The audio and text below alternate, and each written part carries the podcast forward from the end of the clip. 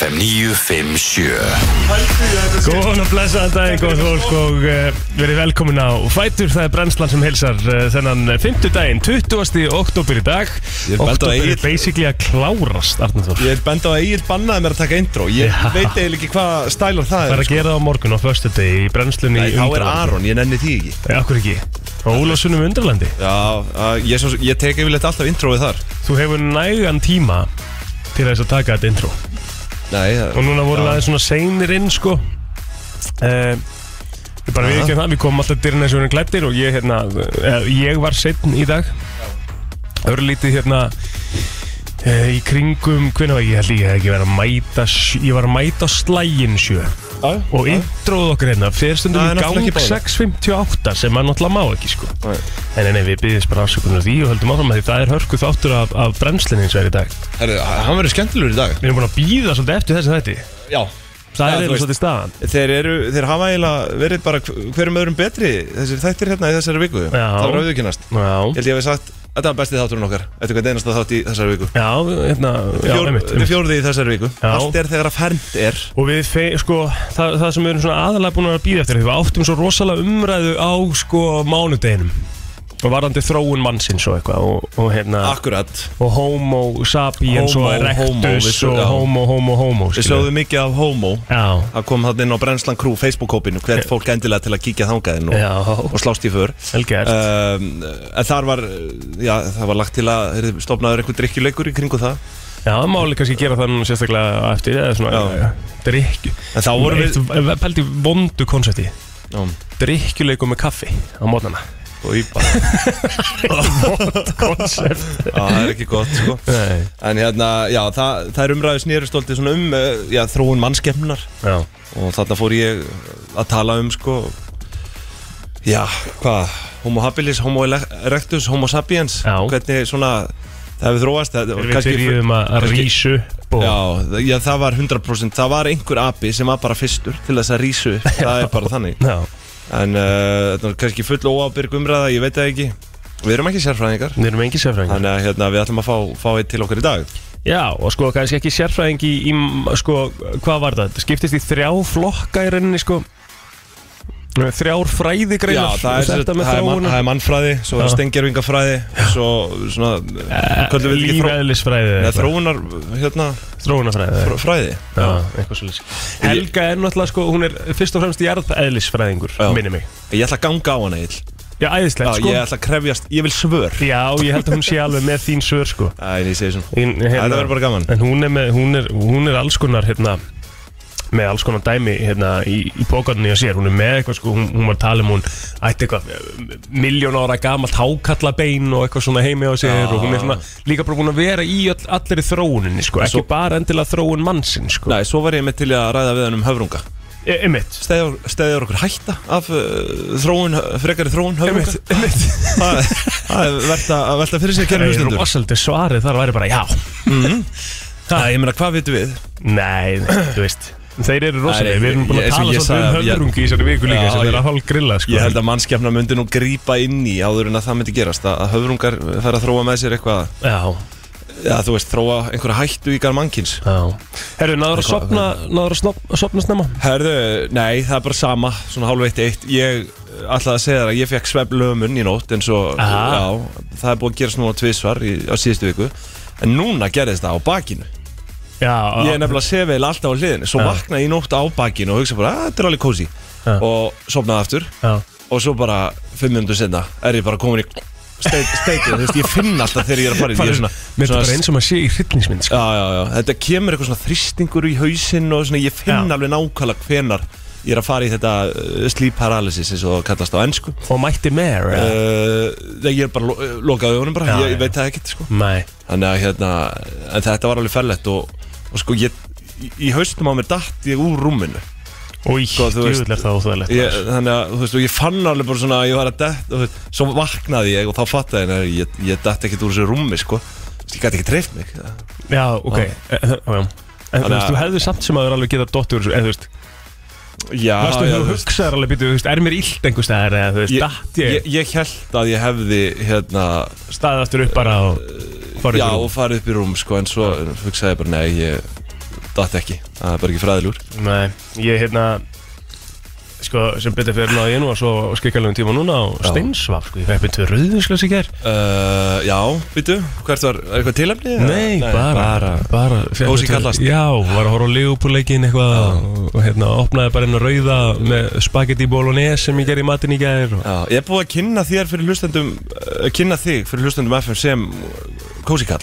Já, Er það? já, ég hef sagt það nú sjálfur, sko, Já, já. svona oftast Gott, gott, gott. Ég er rosa kósikall sem mm. minnum milli, sko Já. En það er ekkert aðeins fyrstu tvö rauðislu, sko, það er bara hopp, já, já, já. gott fyrir blóðrásina og Ég er ekki tal, talað um eitt rauðvinsglas á, á, á kvöld, kvöld Jésús, á, Á kvöldi kvöldi. Það sé, Ég það þarf að meina bót Sko, Andrea Pirlo Já, drakk eitt rauðisglas á hverju meins að degi, sko Minimum sér það sko, hann, ekki eldist hann illa sko Nei Og hann gerði það með þess að í fyrir leik sko. Bara í hátegismat fyrir leik skilur það. Það var hann í rauðinu sko. Jöfnvel er hann hugulegu maður. Pirlo er Hann rosalegur er svakalega hugulegur Geta eðlilega flottur sko. En Já, það er hérna eins og það sagði, það er hérna hörku þáttur hjá okkur í dag og, og hérna það er ekki bara uh, hún Helga Kristín. Nei, nei, Þetta er það, þetta sérfræðingur. hitamál dagsins verður á sínum stað og, og nú þykist ég vita að hlustendur býða alveg óðir eftir, eftir hitamáli dagsins. Já, Spenntir að vita hvað það verður. Ég ætla ekki að segja það núna. Þú náður að sprengja alla skala í gær Já, já, og, og þetta eru búin að vera ja, Þetta er í rauninni sko Þetta er í rauninni fjórða hitamálið í dag. Já, Fyrsta var kannski ekki alveg svona Það var ekki funheitt Það var bara svona hvort að, hvort að gemverur hafi, já, hafi heimsótt jörðina. Já. Svo fórum við á mánudaginn í, í Í það Nei, að nota á ég, í, menn eru, menn mm verða nota menn og svo í gær fórum við í hérna Hvort það verðum að ofvenda já, börnin hvort við varum með, með börnin í bómul sko. Já þannig að uh, ég mun ekki bregðast ykkur í dag, kæra hlustundur Það er svo flottulega keppni að sjálfsögðu í dag líka mm. Og við Já, erum vorum við búin að ákveða þema, Já, pottþétt. pottjett á, já. sko það eru tvö lög sem poppa upp í hausin á mér núna bara svona, Ég Sí. bara Ég bara man, það er bara, það er bara eitt sem poppar upp í hausinu mér sko, þegar ég hugsa um pottjett, það er þessu bara lang fyrsta læð já, já, er það Vúle Vú með ABBA? Nei, Nei, ok Nei, nei. Þá, nei. nei, þetta er bara diskurinn sem var í bílunum hjá Aldísi sýstu minni sko Já, mástu hvaða pottjett? Ég er að reyna að muna það sko var, Finnst og við það vorum, hafi við vorum doldið svona að píka í kringum pottið 30 Já, og eitthvað einmitt, ég, var, ég, var, ég held þetta sé þar 26 eða eitthvað. Þetta er svona 25 til 30 og eitthvað sko. Pottjett 26 er held ég lægið mitt á sko. Mér svona, er eitthvað sem segir og ef ég er með það, þú veist, mér langar svo að vita það sko. Já, pældi hvað þetta var einfalt viðskiptamódel hver sem að sáum þetta? Bara svona sjóða saman einhvern disk með 20 vinsæli lögum bara. Það þurfi ekki að hafa fyrir því sko. Og var og, þetta var mókseldist sko. mók Þú seldi getur sko ímyndað líka um jól og annað sko. Það var alltaf bara svona eins og eða, basically eins og að vera að koma út nýr veist, bara ný kvikmynd sem að maður kefti sér á DFD eða eitthvað, skilur Þetta var Einmitt. bara sama væp í gangi í kringum já. þetta. Já, ég vildi alltaf ný, Pottþétt, sko. ég bara, ég krafðist þess. Já. Þetta var bara gjóðsum lámars krafa að ég myndi eignast eh, nýjasta potetisk, potetiskin Það er úkslega fyndið sko hvað við veist, okkar aldur hérna, í kringum bara svona, hvað myndur segja bara frá 90 Mhm. og, og þú veist 90, neða, kannski, hvað var að segja, hvað er endar þetta?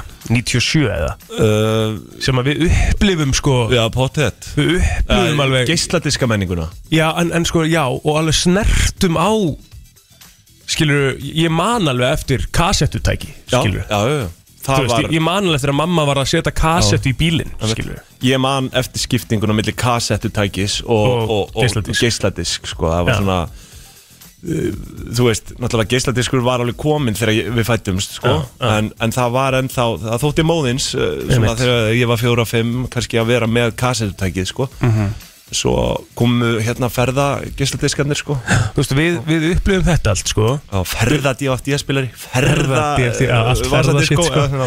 Við upplifum Vaffa S-ið, sko. Við vorum alveg að horfa á Vaffa S-myndir Já, Vaffa.s, já, Já, ég, já. Ég, var mjög tregur til að skipta sko, Já. yfir í D.O.F.D. Svo munum við eftir því þegar það þurfti að ringi netið. Ég bara segja, skilur, hvað við Já Arna, farða netinu, ég er að ringja Já, það er ekki hægt að ringja á sama tíma sko. Það er alveg svakalega. Þú veist, maður, uh, svona okkar kynnslóður gengi í gegnum svo mikið að tækni framfyrir bara, Já, bara breytingum, já. Já, bara breytingum. Já, Er það ekki alveg svona frekar óvenju mikið? Það geta, all, Jú, en ég meina, geta allir hugsaði- sagt þetta? Hugsaði fólk sem er fætt bara, þú veist, í kringu 1950-60 skilur Já. hvistlas það er alvöru breyting sko Já. en, en við vitum ekki skilur veist, að þetta fólk er kannski 60-70 í dag Já, uh, hvernig verður þetta þegar við erum 60-70 Þú Já, veist, einmitt. verður það stærra skref um, það er ég er svo erfitt með að sjá sko. að hugsa út í það Já, sko. en ég er svo erfitt með að sjá að það geti gæst Já. Þetta verður mikið stærra skrif ég, Og það sem ég er að meina með þessu skilur er að við, við erum svona að þeirri kynslu að við, við, við kunnum þetta allt Við, öðlumst í rauninu upp Já. með öllu sem er að gerast veist það er ótrúlega við erum, við, erum að læra svona frekar flókna hluti í saminginu skilur bara eins og þú veist, ferðu og bara einhver eldri, þú veist, amma afi eða eitthvað er að reyna að kunna á Facebook skilur og þetta er bara kynverska fyrir þeim sko. ég hef svo erfitt með að sjá það fyrir mér að við á þessum aldri erum að fara í eitthvað svoleið sko. að því við höfum Já, já Veistu er hvað ég á við? sko, En þú veist, ég er strax byrjaður í þessu Þú veist, og TikTok, ég bara kann ekki á þetta forrið Ég neita að kunna það sko, veist, ég, ég, Já en það er náttúrulega bara því þú hefur ekki ég, ég veit það að það Ég- tæki þig klukkutíma að ég, læra ég TikTok. veit það, skilur. Ég bara, ég, að, ég bara er ekki spenntur fyrir þessu einhvern veginn. Ég minnst það alltaf mikil tíma þjóður En uh, svo er það líka bara að setja inn þessi myndu veist, Ég er aldrei að fara að setja inn eitthvað TikTok mynd, Ég setti sko, TikTok að- myndið inn á, fyrirtæki aðganga dögunum og, hérna, og þetta var bara Þetta- var bara flókið eða? Nei, Nei, bara ok. sniðast í heimi Að að það? Bara sniðast í heimi Já. Ég var með, ti- ég var með mymband, skilur við sem Mm. var eitthvað tvær myndur og ég var að kötta bara til inn í á TikTok Já. bara á auðveldara háttöldurinn ég gerir premipro sko. Já, það er þannig Já, Já, einmitt. bara, og ekkert mál sko. Premið prónu kannski ekkit, þú veist, ekkit auðveldast að dæmi þetta Nei, það er sem bara svona klippi Já, forrit ég, ég veit að ég klippi sjálfur þar Já, þú veist það sem þú bara, ég veit að það er náttúrulega ekki auðvelt sko, en, en, Nei. hérna, en það er samt svona bara, það hefur aldrei verið, verið hægt að taka sko, þú getur alltaf splittað klippu í alls konar sétti Já, sko, já, en ég skil En- hvað minnar, það en- er búið að gera þetta rosa skilvirt sko. ógeðslega skilur sko. en, en hérna en sko ég held að þróunin verði einhvern veginn á, á, á þann veg sko að framtíðin mun rosalega mikið gerast í einhverjum öðrum heimi sko þú veist, eins og meta, Metaverse. metaverse og það, en, en ég ég sem, mér finnst svo steikt í að það, það er einhvern veginn allir tæknirisar að þróa svona vaff-r heim Já. þú veist hvernig þetta verður það, Þetta er, þetta er önnur umræða sem við verðum að taka í Já. næstu viku eða eitthvað já, já. Við verðum að fá okkur að tala við okkur um metaverse sko, Við getum náttúrulega, Aron veit alveg sjúklega mikið um þetta sko Getum tekið þetta á morgun sko Já, meinar, af hverju veit hann svona mikið um þetta? Hann er, sko, það sem að þú veist ekki kannski Er að Aron er, hann er TikTok fíkil sko Já, Það er bara, ég spurði hann í gerkvöldi Við vorum að taka upp, uh, taka upp uh, hérna, þátt Og ég spurði hann bara hérna Ég spurði hann, uh, er TikTok, veist Er þetta vandamál hjá þér? Já. Hann eitthvað, já. Og veist, bara starrandi hon í síman skilur Hann satt frammi og þú veist Við töluðum ekkert, hann var bara á TikTok. Já, og hérna, svo var hann alltaf að sína mér eitthvað, ég er bara að keira og ég, svo bara þegar ég var að skutla og veist, er þetta ekki vandamálega? Já. Þannig að hérna hann veit rosalega mikið um einhverja svona hluti, veist, þessi TikTok algoritmi er rosa mikið svona samsæriskenningar og eitthvað sko allan hjá honum og um svona tæknidót og, og þannig þannig hann veit heilan helling. Hann fór náttúrulega í, þarf alltaf að vera grín og þar var hann held ég að tala bara um metaverse í tvo tíma sko. Ah, ok. Þannig að ég held að hann geti alveg Ég var að eitthvað um hugsa, ég var, sko, ég bara mega til ég, ég var bara svona meira að hugsa svona, uh, einhvern fræðimann. Skilur já, já, já, nei, já, þú veist en ertu fattur? ég held að Aron samt, þú veist Já, en það finnst mér frábært, já, sko. hann kannski þekkir ekki tæknina þannig bakvið, sko. Nei, en uh, það er- hann ég- þekkir, ég er hann að- veit hann þekkir hvað krók og kema, sko hvað varðar bara eh, efnið sem slíkt, sko. Mhm. ekki tæknina, en svo er það náttúrulega fyrst við erum konur aðeins inn í þessar umræður, sko, og verður átt að því að spá fyrir um framtíðina. Mhm. Það er ómögulegt. Það, það rætist í 0,001% tilfellaða og það er bara einhver slembilukka sko, því að ef þú, ef þú skoðar hvernig bara frá, spá frá árinu 1930 hvernig að vera heimurinn eða tækniminn þróast Já, þá er allt út í einhverju svona sem var á þeim tíðaranda. Það var, það var, það var spá um hvernig tannlæknastofur yrði árið 2000 frá Já. 1930 eitthvað og þá var bara eitthvað svona þú veist, grátt vélmenni fattaru svona klinkan var grátt vélminni Já, já, þú veist, þetta voru svona fullt af einhverjum örmum Já. Þú veist, e- eitthvað þannig, skilur Já, já. Og, og, og það er bara út af því að þannig voru vélar þá. Í dag eru að spáði allt verði svona gett kvítt og svona um, Svona Svona mjúk, mjúkar já, línur. einmitt, Já. skilur og, og, og það er bara út af því að þannig er tæknin í dag einhvern veginn, það sem er verið að búa miða við núna. Já, þú veist og eins og róbótar í dag þetta eru náttúrulega bara sko þetta er mest megnist bara svona hugbúnaður sem að þekktist ekki þá þetta er kannski bara sjálfkerfi bíl er róbóti en það var ekkert hugsað út í það þá Nei, nei. Þú veist, það var hugsað um róbóta sem bara einhver svona grár kall með 50 arma og Já. á einum armi var hann með þú veist vasanýf Bara R2D2 skilur Já, bara nánast. nei, nei, nei, að þú veist, nei Er C3PO frekar Já, eitthvað þannig Svona Og þannig. einum armi var hann bara með vasanýf Já. Og öðrum var hann með, þú veist, hérna Bara sleif, eða, þú veist, eitthvað, þú veist. Gangandi Leatherman. Já, já, en þú veist, kemur í ljósa þú veist, róbótir í dag eru bara, þú veist, það eru drónar, það eru bílar og, e, þú veist, þú getur gert alltaf róbóta. Þannig að við vitum ekki hvernig þetta mun þróast þetta 70 ár. Það getur verið komið bara eitthvað, þú veist, chip sem þú setur inn í heilan og eitthvað sem að, þú veist að Það sem verður til þetta 70 ár er eitthvað sem er ekki orðin hugmynd í dag. Við getum bara orða, orðað þannig. Við höfum ekki hug, hundsvit á því, sko. Nei, ég sá einhvern tíman eitthvað mymband af sem var endur ótrúlegt sko. Ég, þú veist, Svo er það ge- geti alveg að segja að vera eitthvað feik sko en, en hérna, ég sá eitthvað mymband af sem að vera að ræða hvernig framtíðin mun verða sko og það var einhver einstaklingur sem var að segja frá tölvum. Já, og hann var drullu ekkjuritt sko alveg svona óþægilega ekkjuritt á Já, hvað held, tölvur ég held ég viti, manstu, árið hvað var þetta? Ó, ég manna ekki sko Nei, ég hef, hérna, ég held ég viti um Hvað varstu að tala um Já. Þú veist, hann var bara að tala um að við myndum tala saman það- í gegnum lítil já, tæki Þá var hann einmitt að tala bara um hugmyndina tölvu Já, Skilur Já, En já, ef hann já. hefði þurft að teikna upp hvernig hún liti út Á Já. þeim tíma. Þá hefði það aldrei verið accurate, sko Aldrei, sko En hugmyndin þú, þú getur, hugmyndin er oft, þú veist eins og vélmen, vél, hugmyndið vélmenni Mhm. skilur, var rétt en í hvernig umbúðum og, og þú veist hvernig það myndi líti út og hvernig tækni myndi virka Mhm. kólröng sko einmitt en, en með tölvuna vissulega, jú, ég hef séð þetta og mjög accurate. En, Freka, freka magnað ekkjuritt sko já, á þessum tíma. Herri, já, nú það, við ætlum að uh, koma brennslinu af stað. Við ætlum að fara hérna í ammálspötn og uh, uh, sem sagt söguna, svo frétta yfirleitt og svona, svona þægindi framöndan og svo förum við í alvöruna í umræðefni eða hitaefni dagsins og þetta eins og að það sagði 20. oktober í dag og við ætlum að kíkja á ammálspötn dagsins og það er stóra ammál í dag. Nú þess að efstur á blaði uh, Snoop Dogg er, er 50 Snoop Doggy Dogg. Já, Já, já, já.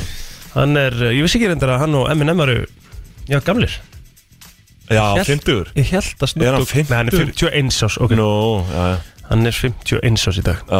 Þannig það er ekki stóra amali En Nei, hann er, já, þetta er- hann, hann var eitt ára á hann Ég held Þessi samt að hann stór, væri stór aðili. Já, ég held samt að hann væri eh, Sko, enn eldri, sko. Snoop D-O-Double G Herru, Það er náðu nú- röddina að geta Herru, hérna, Viggo Mortensen er bara einn minn uppáhalds. Já, Aragorn einmitt. Fættur uh, 58, hvað hann, 64 ára? Veistu hver áttu Hjúmur upprunalega ber hann ber hann sér vel maður. Já, hann er 64 árs, eða það? já, Það er enda rosalegt. Veistu hver áttu upprunalega að vera Aragorn, eða? já ég, ég man ekki hvað hann heitir en það er harmsaga sko. Það er rosaleg Þú saga á veist, bak heldur við. það. að byrja að kasta og komið fjóra daga inn í sko að byrja að kasta það að byrja að bara taka upp skilur fjóra daga inn í tökur. var þetta ekki Russell, Russell Crowe? Nei, nei, nei, nei, nei, nei, það- nei, nei, nei, nei, nei, nei, nei, nei. Var, Jú. Þetta var einhver frekar óþektur og, Nei. Jú, jú, Nei. Jú, jú. Nei, betur, nú er ég bara Googlaðu bara who- who- Ok, Google var að hlusta, sko. Ég var búin að se- gera who was, su Og það kom supposed to play Aragorn Já, supposed to, var Nei. ekki hann neitaði því? Stuart Townsend. Já, já, Ok, ok, ok, ok. Og þetta er held ég bara einhver no-name í dag, sko Russell Crowe auditiona er líka fyrir hlutverkið. Er Og Vin Diesel og Nicolas Cage. Já, emmitt Já, það hefði, Nicolas Cage, wow, hvað það hefði verið skrítið eitthvað. Jöfnlega það verið steg Það er bara málið hann er lék í hvað, season, season of the Witch, hérna það ekki? Það lék hann einhvern bara svona svipaðan, sko. Ah, ok. Já, við, sk- við skulum satt ekki fara að bera það saman en En uh, þessi um Stuart Townsend Hann var búinn að vera, þú veist, tökur voru byrjaðar Hvort það eru búin að vera í þrjá eða fjóra daga Þegar Peter Jackson sagði bara, herru, sorry, þú ert bara ekki rétti maðurinn í þetta. Og bara kallaði henn Viggo Mortensen, sko. Það Þetta er, þú veist, hann var líka ungur, sko. Þú veist, hann var 20 og eitthvað Ég held að það hefði verið málið, þeim fannst Aragorn of ungur. Já. að, þessi Stuart, hann var of ungur sem Aragorn, sko. Hérna er hann bara sem Aragorn Já, Það er bara veist, það er til á hann mynd, minna. það er bara til mér sem bara klippur á honum, vera leikan sko og þetta er alveg ferlegt því að ég, maður hugsa, í að Lord of the Rings eru bara stærstu myndir sem hafa verið gerðar eða með þeim.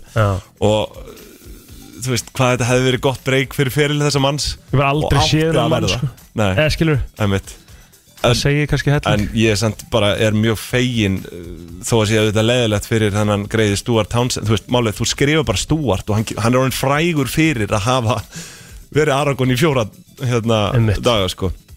En uh, Ég að sjá hérna það sem hann er þekktur fyrir Já. Þetta er myndir sem ég hef aldrei heyrt um sko. Nei, einmitt sko Queen of the Damned uh, The League of Extraordinary Gentlemen Já. Battle in Seattle og Chaos Theory. Já. Ég hef bara aldrei heyrt um Nei. þessar myndir sko. En hann allavega sko ja, ég, eins og ég segi, ég fegin að að Viggo Mortensen hafi hrætt þetta hlutverk að, að lókum En hvað Já, ætli, ætli, Vig, þú veist, ég er ekki grínast að ég segi bara Aragorn var bara átrúnað góðum mitt sko. Já, ég veit að þú varst rosalega stór þar sko.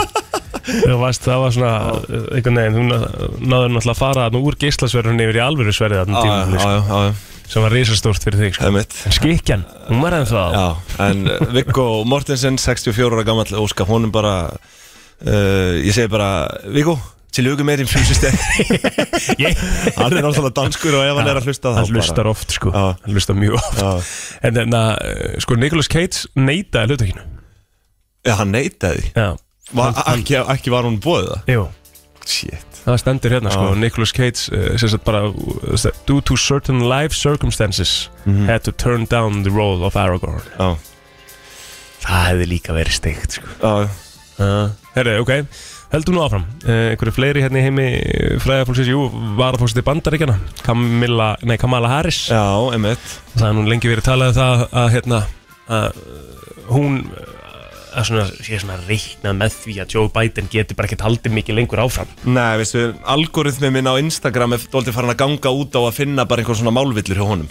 Það bara kemur upp eitthvað að vídeo þar sem að hann er bara eitthvað að skýta á sig, sko Þetta er ekki hægt Nei, þú veist, Nei, sorry. það hlýtur að Nei, vera þetta- búið að feika eh, eitthvað á þessu sko. Nei, þetta, nei, þetta er ekki hægt Já, já, þú Hann veist er fósiti bandaríkina Já. með fullri virðingu fyrir örgulega æðislegum kalli Hann er bara gamall í giggið sko. Þú veist, mjög líklega, þá er hann það, sko eh, þú Hann veist, er, hann er fættur 42, hann er áttræði núna eftir mánuð, 20. november Fósiti bandaríkina ekki vera áttræður. Áttræði, þú veist, það vera áttræði, þetta er engin aldur, sko. Hann er samt ekki vera áttræður sem fósiti Nei, bandaríkina nei, á hann ekki bara verið í golfi og slaka á það? 100% Þú veist, og líka bara það, maður, veist, það það er búið að koma svo mikið af eins og þú segir, sko, svona, um, einhverjum villum og, og svona, hann er greinilega með eitthvað mem memory loss eða eitthvað, þú veist, það er Já, já, þú veist, það er bara, aldurinn er bara að færast yfir, skiljið Já. Það er, og, og svona, hann á erfitt með að lesa upp á prompter og annað, hann las upp eitthvað einu sinni í pause Já, Pós Þú veist, eitthvað svona. Já. Þú veist, auðvitað er þetta erfitt, mér finnst hann flottu kall, sko en, Ég er en- sammála, þetta er en flott Það er ástæða fyrir því að hann hlaut við nefni Sleepy Joe, sko. Já En það var náttúrulega bara, þú veist, það var náttúrulega ekkert ást, ástæða fyrir því að náttúrulega bara Það er bara Trump er Donald skilur. Trump, Já. skilur Við höfum ofta rætt þessi Já. nöfn sem að Donald Trump kemur með, sko, þau eru Já. svo góð, sko, Cricket Hillary. The Rocket Man Þú veist, bældi að vera bara svona Bara er vera að tala og kalla bara, þú veist bara bara- Innræðisherðar Norður Kóru, The Rocket Man sko, Trump, Trump er náttúrulega bara bully í eðli sínu, sko Já, og, og, hérna, ekki það að við séum að upphefja Því, sko, en, en hérna En þú veist, þetta var bara hægt að finna komikina í því, skilur. Já, já. En, uh, er en, en sko, svo, það sem ég ætlaði, sorry, það sem ánum heldur áfram, það sem ég er ætlaði að fara að segja er, sko, þú veist, að það gæti komið sá tímpútur, skilur, einhvers staðar í bara risa tímpútur og sérstaklega núna, það er mikil olga í heiminum, skilur. Já, Það er- það hefur aldrei verið talað um að séum eins nálagt þriðju heimstyröldinni bara síðan að, hérna, kúpudelinni, Já. skilur. Nú ég Og- tala fyrir fallið síðmenningar í smá tíma núna, Já, sko svona fyrir utan það líka. Já. Og, og, og, og það gæti alveg verið þannig að Joe Biden getur verið að taka bara risa ákvarðanir Já, á næstu mánuðum, næstu árum, já, skilur. einmitt og svona með það sem er við séð á hann Bara sennilega þær stæstu frá setni heimstyrjöld akkurat, og með það sem er hefur séð af Joe Biden, Já. skilur og allt sem að er í gangi, bara einhvern veginn hann hefur það mikil völd Já að það meikar ekki sens að hann sé í þessu jobbi Mér, með við allt sem maður hefur séð. Hvað segir þau? það meikar ekki sens að hann sé í þessu jobbi með við allt sem maður hefur séð. Nei, einmitt sko. Nei, einmitt.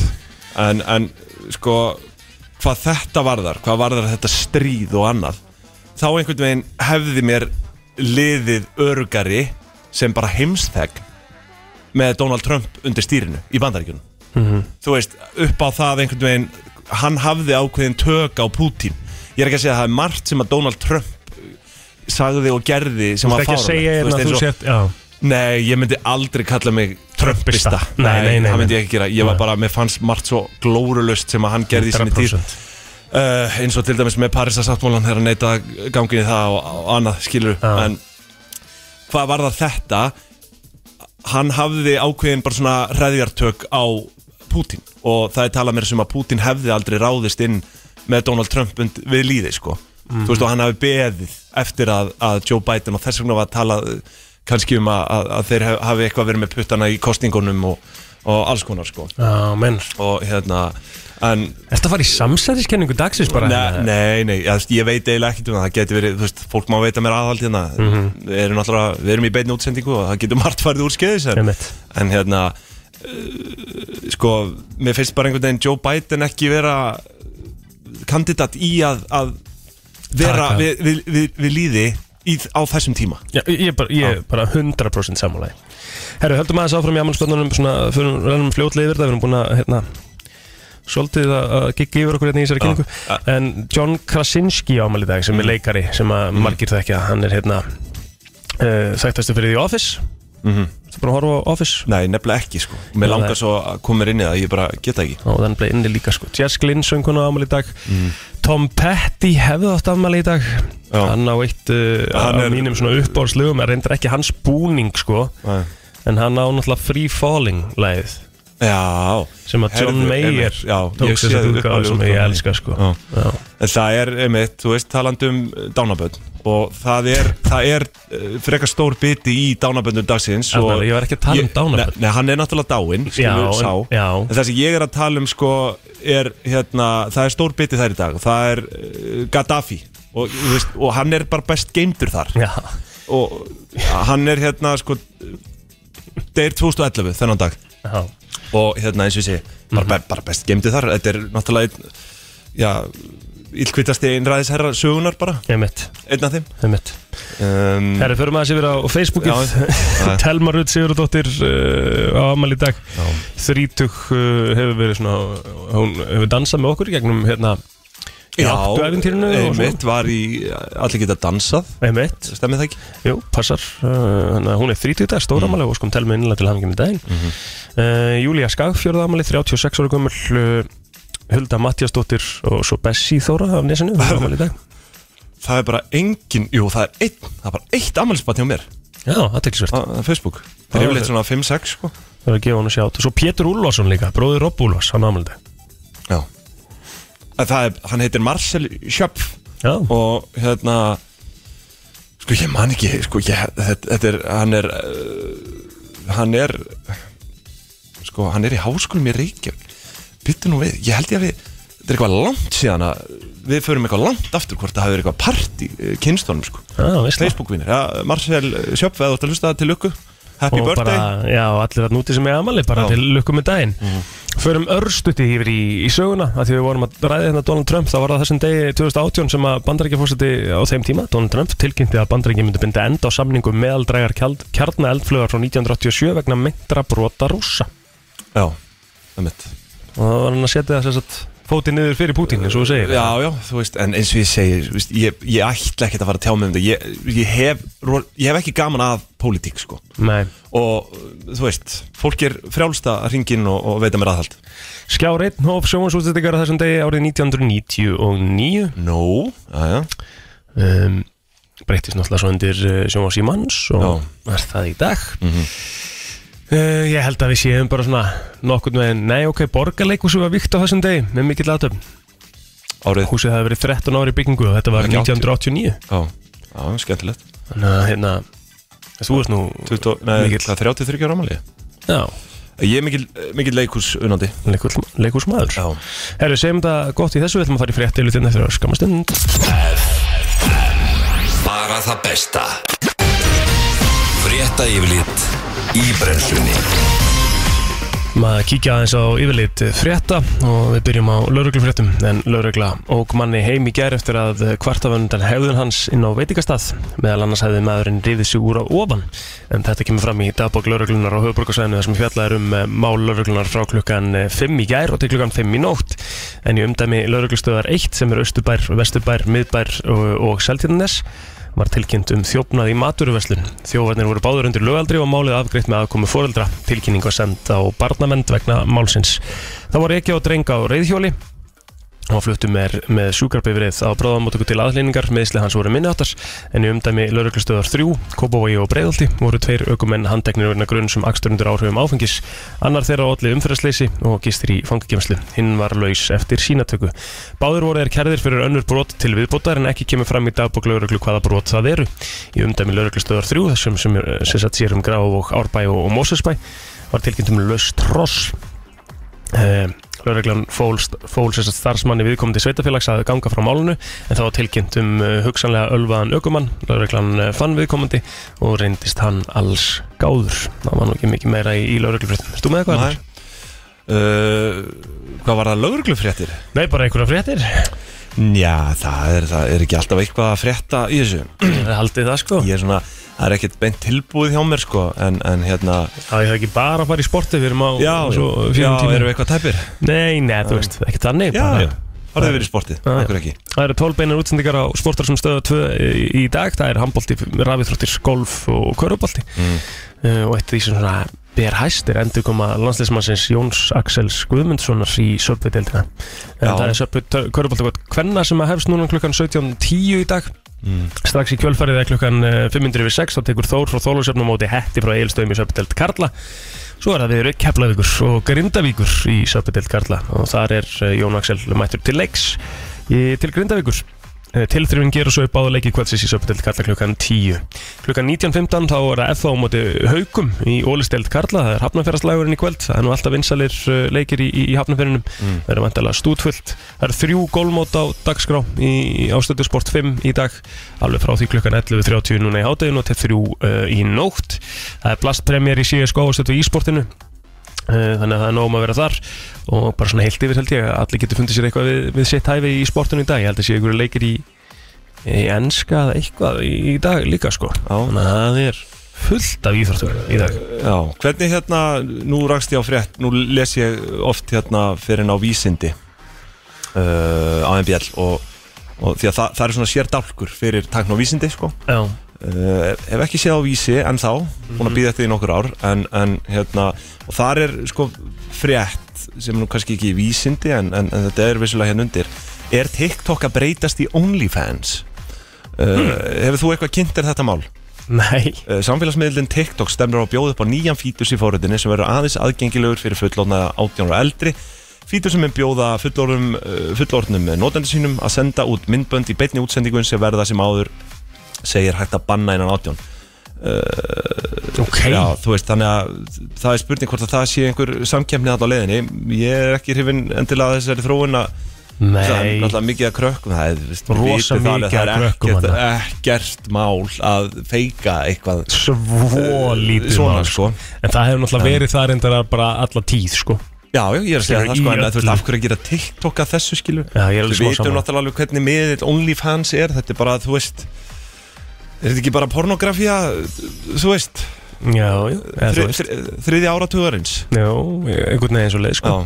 Ekkert að við séum eitthvað að setja á móti því skilur en það þetta er bara, þú veist TikTok er bara, þú veist, barnaforrit í dag, eða svona með við marga Já, sem margir já. tala, sko. Já, já, nei, ég minna, þú veist, það er margir gera OnlyFans hátt undir höfði núna þessa dagana og Já, tala um að þetta sé bara eins og hverjum vinna og, og, og allt sem því tengist, sko, þú veist, ég ætla ekki að fara að tjá mig frekar um, um það, sko. Nei, En uh, mér finnst þetta skrítið að að gera TikTok að slíkum vettvangi. Það verður bara að segjast. TikTok er bara svona ákveður vegferð núna, sko. Það er hérna eitthvað nýtt dæmi á TikTok sem er bara eiginlega það sem þeir eru bara að taka B-Reel fítusinn, skilur Já, ég hef aldrei komist inn á þennan bíríl Nei, sko, ég var þann inn í, Já, ég, örugglega- þetta- ég var alveg að nota þetta í 2-3 mánuði eða eitthvað, sko, Já, svo fannst mér þetta bara ágæðslega Ég leðilegt veit það sko. Það verður svona Hvað segir maður?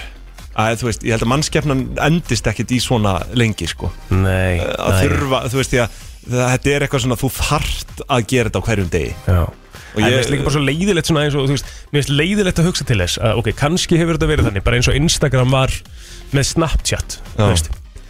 Mark Zuckerberg reyndi sérst að kaupa Snapchat á tímabili. Mm, og Snapchat neitaði því. Þetta var, er fakt. var það, Já, var það þannig. Þetta er fakt. Já, já, já. Og Snapchat neitaði því. Mhm. Uh, og hann bara, ok, ekkert mál Mhm. þá ger ég bara Instagram stories Já, skilurðu. einmitt, einmitt. og ger ég bara þetta hérna og þú getur bara sendt DM og allt það, þú veist, bara Instagram var bara svolítið svipað og Snapchat sem var til þess að bara á einhverjum tveim sólarhingum, skilur Mhm. voru náttúrulega komnir miklu fleiri notendur og Instagram stories heldur en Snapchat þetta voru náttúrulega bara það var bara fimm sinnum stærri miðl, skilur og mér er svo leiðilegt þegar svona þetta er, og þetta er leiðilegt en, en samt skilulegt þetta er bara stóri maðurinn Mhm. getur alltaf einhvern veginn bara tekið Já, þann litla og bara ekki gjörsamlega farið yfir hann sko. Já, og þetta er það sem TikTok er að gera með og ég er svona veltaði fyrir mig hvort að TikTok hafi reynd að kaupa B-Reel sko. Já, meina það. Já, af því að núna er þetta bara komið bara inn hérna. Ég hefði bara líkvið þetta, sko. Þú veist Ef Þú ég var hefði- eiga- eigandi byrýl B-Reel, þú hefði selt. ég hefði bara selta. Já, Sell, ekki? sell everything. Já, Jú, að þú veist, þetta er líka Þetta er svo fyndi, sko. Líka hvernig svona kaup á samfélagsmiðlum hafa þróast. Nú kaupir Facebook gott ef það hefði ekki verið svona 2011 Mhm. Facebook kaupir uh, Instagram á 1 miljard bandargetólara já. stuttu setna kemur viðtal við uh, stofnendurnar sem áttu þá mjög stóran eignarhlut í Instagram, þú veist, 50% plus held ég. Þeir komu þannig viðtalið sér eitthvað trúðar yeah, we were aiming for 2 billion dollars but you know, shit happens. Þú veist, voru bara eitthvað að gera grína því þeim fannst þetta svo hátt Mhm. svo bara fóru þeir að grenju hlátur í miður, miður viðtali sko þeir seldu þetta á 1 miljard bandaríkjadólar Já. og þannig eru þeir sem sagt að gera grína því að þeir voru að reyna eima á 2 miljardar en því miður þá bara skítur skeður Mhm. Herru, nokkur mán eða, Nei, kannski mánum, kannski svona tveim árum síðar Mhm. kaupir Facebook Whatsapp á 19 miljardi bandaríkjadólar Já. og þú veist bara á þessum tíma þessum tveimur árum var, voru bara samfélagsmiðlar að þróa svo ótrúlega grimt sko. Þannig að ef þeir hefðu beðið í tvö, Tvö ár, ár. þá hefði þessi 2 billion dollars fyrir Instagram bara ekki verið neitt sko. þannig að hérna Instagram er, ég var að googla það Já. Instagram er worth í dag 102 billion já, sér það sko einmitt þannig að hérna þeir fengi kannski svona 30 En- billion fyrir að þeir náttúrulega fengu einhvers konar kauprétti og annað í, í hérna, Instagram og, en þeir kössuðu alveg slatta út þú veist, einhverja tugi, hundruði miljóni dollara, þeir, tve, ég held þeir hafi verið tveir. Já. en hérna enga síður, þá, þú veist þú veist ekki hvað hefur fyrir mist hefur eins og einhver sagði. Það Nei, ekki- nei, það svo, ekki svo var þetta örglega eins og, eins, og, eins og við vorum að tala um bara örglega á þessum tíma, þá var þetta bara gigantísku upphæð fyrir já, Instagram. fyrir, fyrir og, samfélagsmiðl og mjög auðvelt að segja já við þessu þessum tíma. Já, já, auðvitað, getur ekki farið tilbaka og hugsa bara eitthvað Nei, það, það má ekki viðskipt Nei, getur ekki. gert það sko. Þetta er sama og ég man ekki hvað það var Gaurinn sem átti hérna eh, alveg, þú veist, 15% í Facebook eða eitthvað til að byrja með. Facebook, hvort það var Google eða Facebook, ég manna ekki. Já. Sem að seldi það sko var, var bara einhvern smá vandræðum hann í í kringum Já, þetta var bara eitthvað að gerast. dæmi. Það er Apple til dæmis uh, Þetta- Til, til svona dæmi um Apple. Þetta var Apple, sorry, ég var að hugsa um Apple. Já. Seldi bara, bara hvort það hefði verið einhverju þúsund dólar Já, já, fekk bara einhver að þú veist Sæmila summu, 8 dólar eða eitthvað segjum það bara sem er svona miljón í í íslenskum krónum. Og var náttúrulega bara mega sáttur á þeim tíma. Því að hann vissi ekkert og það var svo ógeðslega margt sem þurfti að ganga eftir til að verði Þetta það sem það er í dag sko. Já, þetta er bara svona með þú veist, til dæmis nýleg fyrirtæki. Ég meina, þú veist, þú- þessi gæi væri bara topp 20 ríkasti maður í heim í dag og hann hefði haldið. veit Hold! Og hann, bara, og, hann, og, hann, og hann bara veit það á hverjum einasta degi sem hann lifir Já. skilur veit það er alveg vond að lifa með þú veist, það er erfitt en, en það er ekki þetta að fara tilbaka í svona Nei, nei, dæmi sko. nei, nei, að þú veist, sko, jú, ef þetta er að þú ert að selja fyrir þessa upphæð Já, að, en að þú veist, þetta er getur öðru sem fyrir Instagram og þeir selja og fá örugglega 200 miljónir dollara bara í sinn vasa og þú getur lifað að eilífu. Þannig Já, bara já. Góðu lífi. En uh, þetta er annað kannski með þú veist, einhverja. 10.000 dollara eða hvernig Já, það er, sko. Það er eins og það er maður. Já. Herðu, við skuldum hérna Emmett, svo förum við í lagdagsins eftir smá og svo förum við í hittamáli á ég laði dagsins eða? Já, þú mátt eiga þetta. Ok, skiptir máli og ekki. Brennslan á FM til 10 Það er nákvæmlega þannig, Egil Blóter og Arnáþur Ólafsson með þér í brennslunni í dag og uh, við erum búin að vera að leggja það svolítið í vann okkar að fara í hitamál dagsins á þessum tíma en við ætlum að geima aðeins lagdagsins, kannski tegum það Já, bara við við ætlum að fara í hitamálið og fyrir þá sem að hafa eh, kannski ekki eh, verið að hlusta núna undanfanna daga þá, þá virkar hitamálið þannig að Arnar ber upp svona ákveðnar, spu- ákveðnar spurningu kannski Já, já, svona uh, skoðun, hittamál í skoðun. samfélaginu Já, og hérna og, og við viljum endilega fá ykkur til, a, til að taka þátt í þessu með okkur og, Mhm. og ringi okkur. 511-0957 og segja ykkar skoðun á þessu tiltekna hitamáli og við erum hérna, svona, við viljum alltaf hafa svona smá disclaimer á þessu. Þú veist, við erum hérna Já, bara ég til vil, að ég, fræðast vil, ég, líka. vil, ég vil taka það fram að, að- hér eru við til að fræðast og Já. viljum heyra mismunandi skoðanir fólks. Og það sem að ég ber hérna fram uh, er ekkit endilega mín skoðun uh, þó að ég hafi nú sagt mínar skoðanir á, á öllu sem að ég hef, hef, hef lagt fram. Uh, Ég verð að viðkynna að ég er, er tvístíga hér. Þú ert tvístið uh, uh, í, í, í máli dagsins og, og nú sem þetta er hitamál dagsins það hljóða svo sko. Ég ætla kannski ekki að bera það fram strax ætla aðeins að koma smá aðra, Mhm. aðra uh, það er bú- búið að vera uppi umræða núna á Twitter um uh, uh, hérna kynjavislur Já, um, að þú sprengir blöðru eða sker, skerð köku eða hvernig það er og það kemur bleikt fyrir að það er stelpa og blátt eða strákur. Og hérna uh, það var uppi umræða á, á Twitter um hvort að hreinlega ætti að bara afnema þessa, þessa hefð og það, þetta er áhugaverð þráður því að þarna komu einhverjir stígu einhverjir fram sem sögðu hérna já að líffræðilega væru bara kall og kona og því væri bara verið að kanna uh, sem sagt í rauninni bara líffræðilegt kyn barnsins. Já. og svo einhverjir sem kostuði fram að þetta væri félagslegt eftir það, hvernig fólk skilgrandi sig.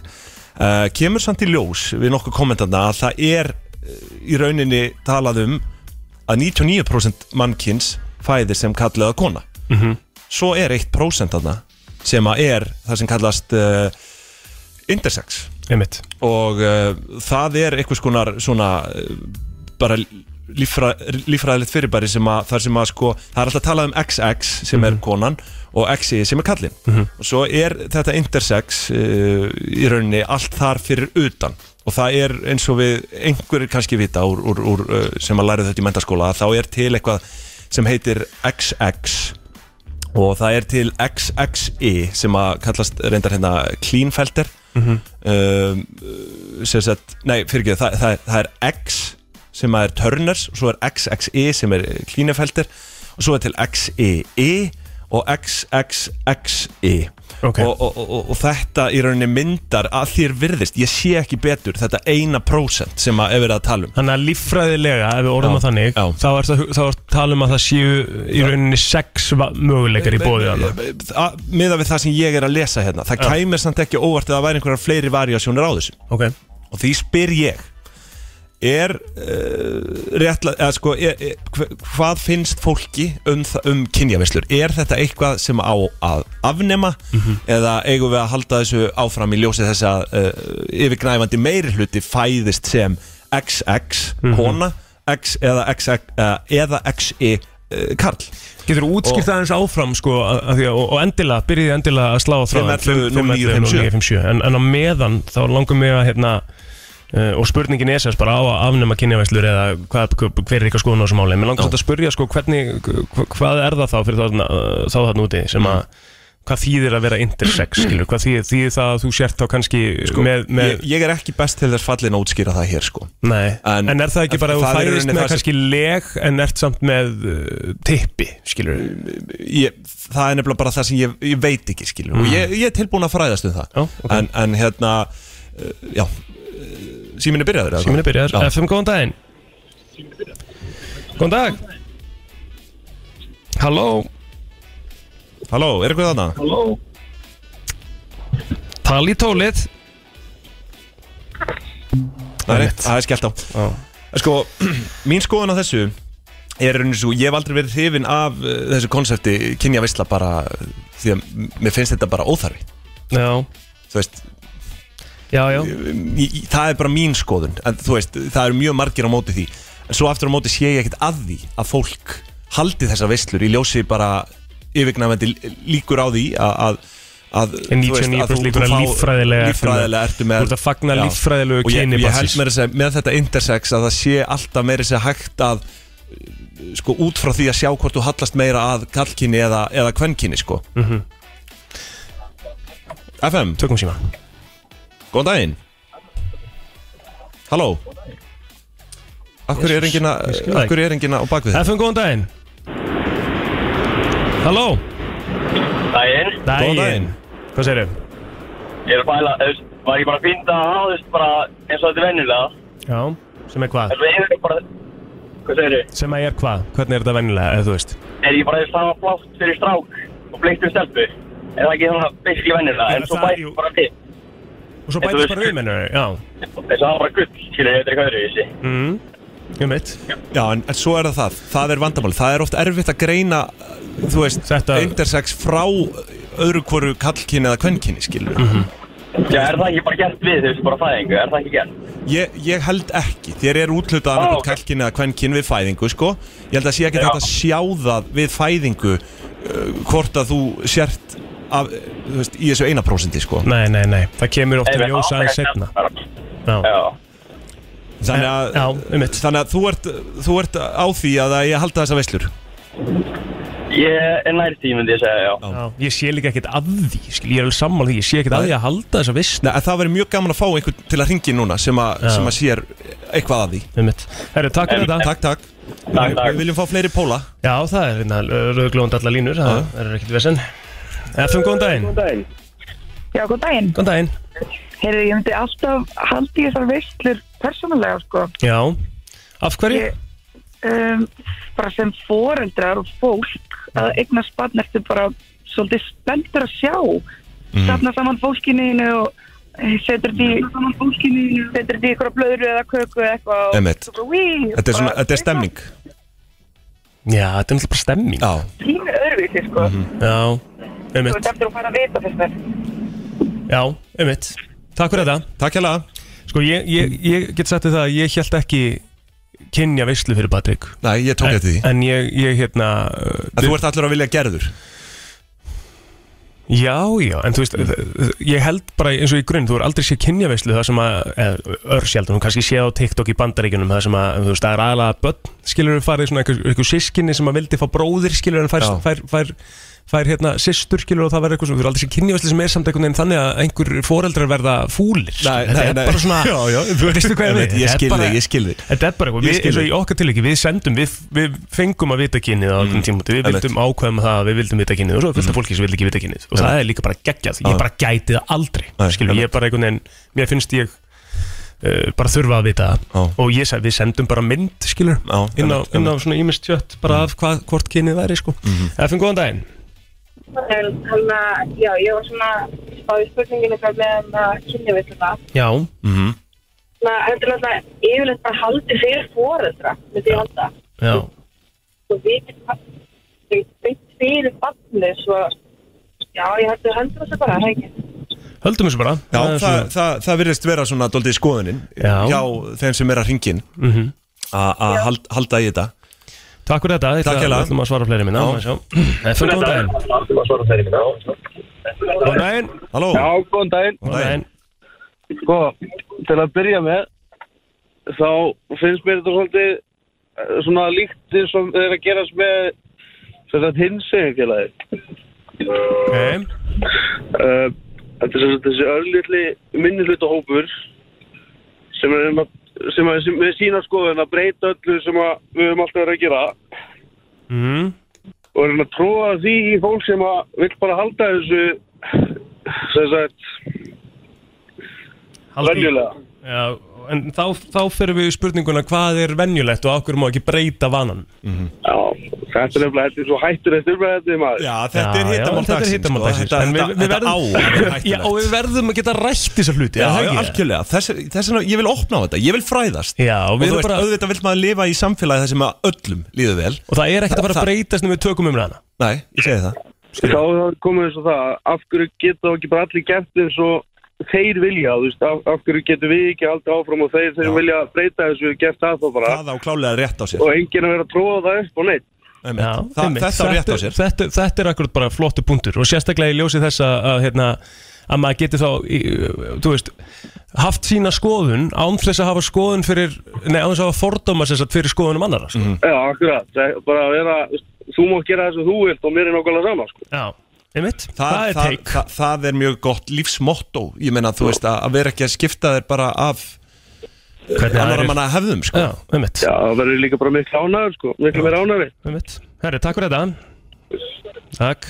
Já, fleiri. FM, góðan daginn. Góðan daginn. Góðan daginn. Hvað Góðan daginn, góðan daginn. Já, ég er svona með það kynjaveistur. Já. Uh, ég, að ég slá ekki inn. Það er góð regla Já, Já, mér finnst alltaf lægi svo sem að halda þetta en ekki sem kynjaveislu. Ég sé engan tilgangi að vita hvort að þetta sé einhver með tipp eða píku. Þú veist að bara halda veislu um að það sé nýtt líf að koma. einmitt Já, Það er alltaf lægi. Fólk vill yfirleitt halda veisluna til þess að fá fólk til að fagna með sér. Það er ekkit endilega pointið í að fá að vita hvort það sé tipp eða píka í pakkanum. Það er oft bara til þess að fá samveruna og stemminguna. einmitt En það er líka, það, og það er líka svona aðeins svona undir minn punkt sem var að segja áðan varandi það, þú veist, það, það er í rauninni bara staðan, þú veist, það þú hefur aldrei einhvern veginn, þú hefur sjaldan séð foreldra að vera bara eitthvað svona í einhverjum pyrringi við því að koma eitthvað, að koma bleikurlitur í staðan fyrir bláan, þetta er í rauninni bara veistla sem að, þú veist, að taka fjölskylduna þeirna saman og, Já. og þetta er bara, þú veist, stemming, bara aðeins vera að fagna nýju lífi eins og segir, Já, sko. en- Það er samt út þetta bleika og bláa Já, hitamál, það er bara í grunninn, sko Þú veist, Já. kynja Bara tippi eða píku eða bæði eða Já, en ég bara held að, þú whatever. veist, ég held bara að fæðingadeild, eða þú veist, bara spítalar bjóði bara hreinlega ekki upp á neitt annað, heldur en bara strákur eða stelpa Já, Það Það er er, alltaf komið í þjóðskrá og svona, þú getur skráð Já, í. X já, Já, það- algjörlega, það sko. er- það er- og svo ákveði manneskjana sjálf já, steikna já. mér, hvort megin hún ætlar að vera er það, það er þá foreldrana að ráða sko, svo Það er skráning bara skráði í X og svo bara Já, já, já.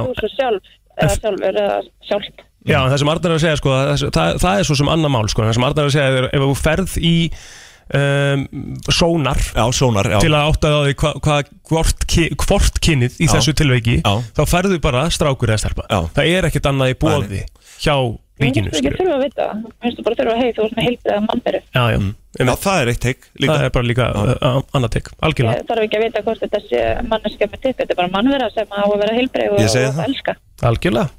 Held þakkir að fyrir þetta. Já, kæra þakkir, ég held, og held að það sé nú í grunninn flest allir séu þar, skilur við, þetta Já, er bara ánæði með að þetta sé, þú veist, bara að heilbrið manneskja, skilur við, Já, bara ég hef manneskja. aldrei séð neitt fara í fílu ennþá út af því að hann fær eitthvað sérstætt kyn sko. FM góðan daginn. Æ, nei, hér er skellt á, það skiptir ekki máli, það er átján á byð FM góðan dag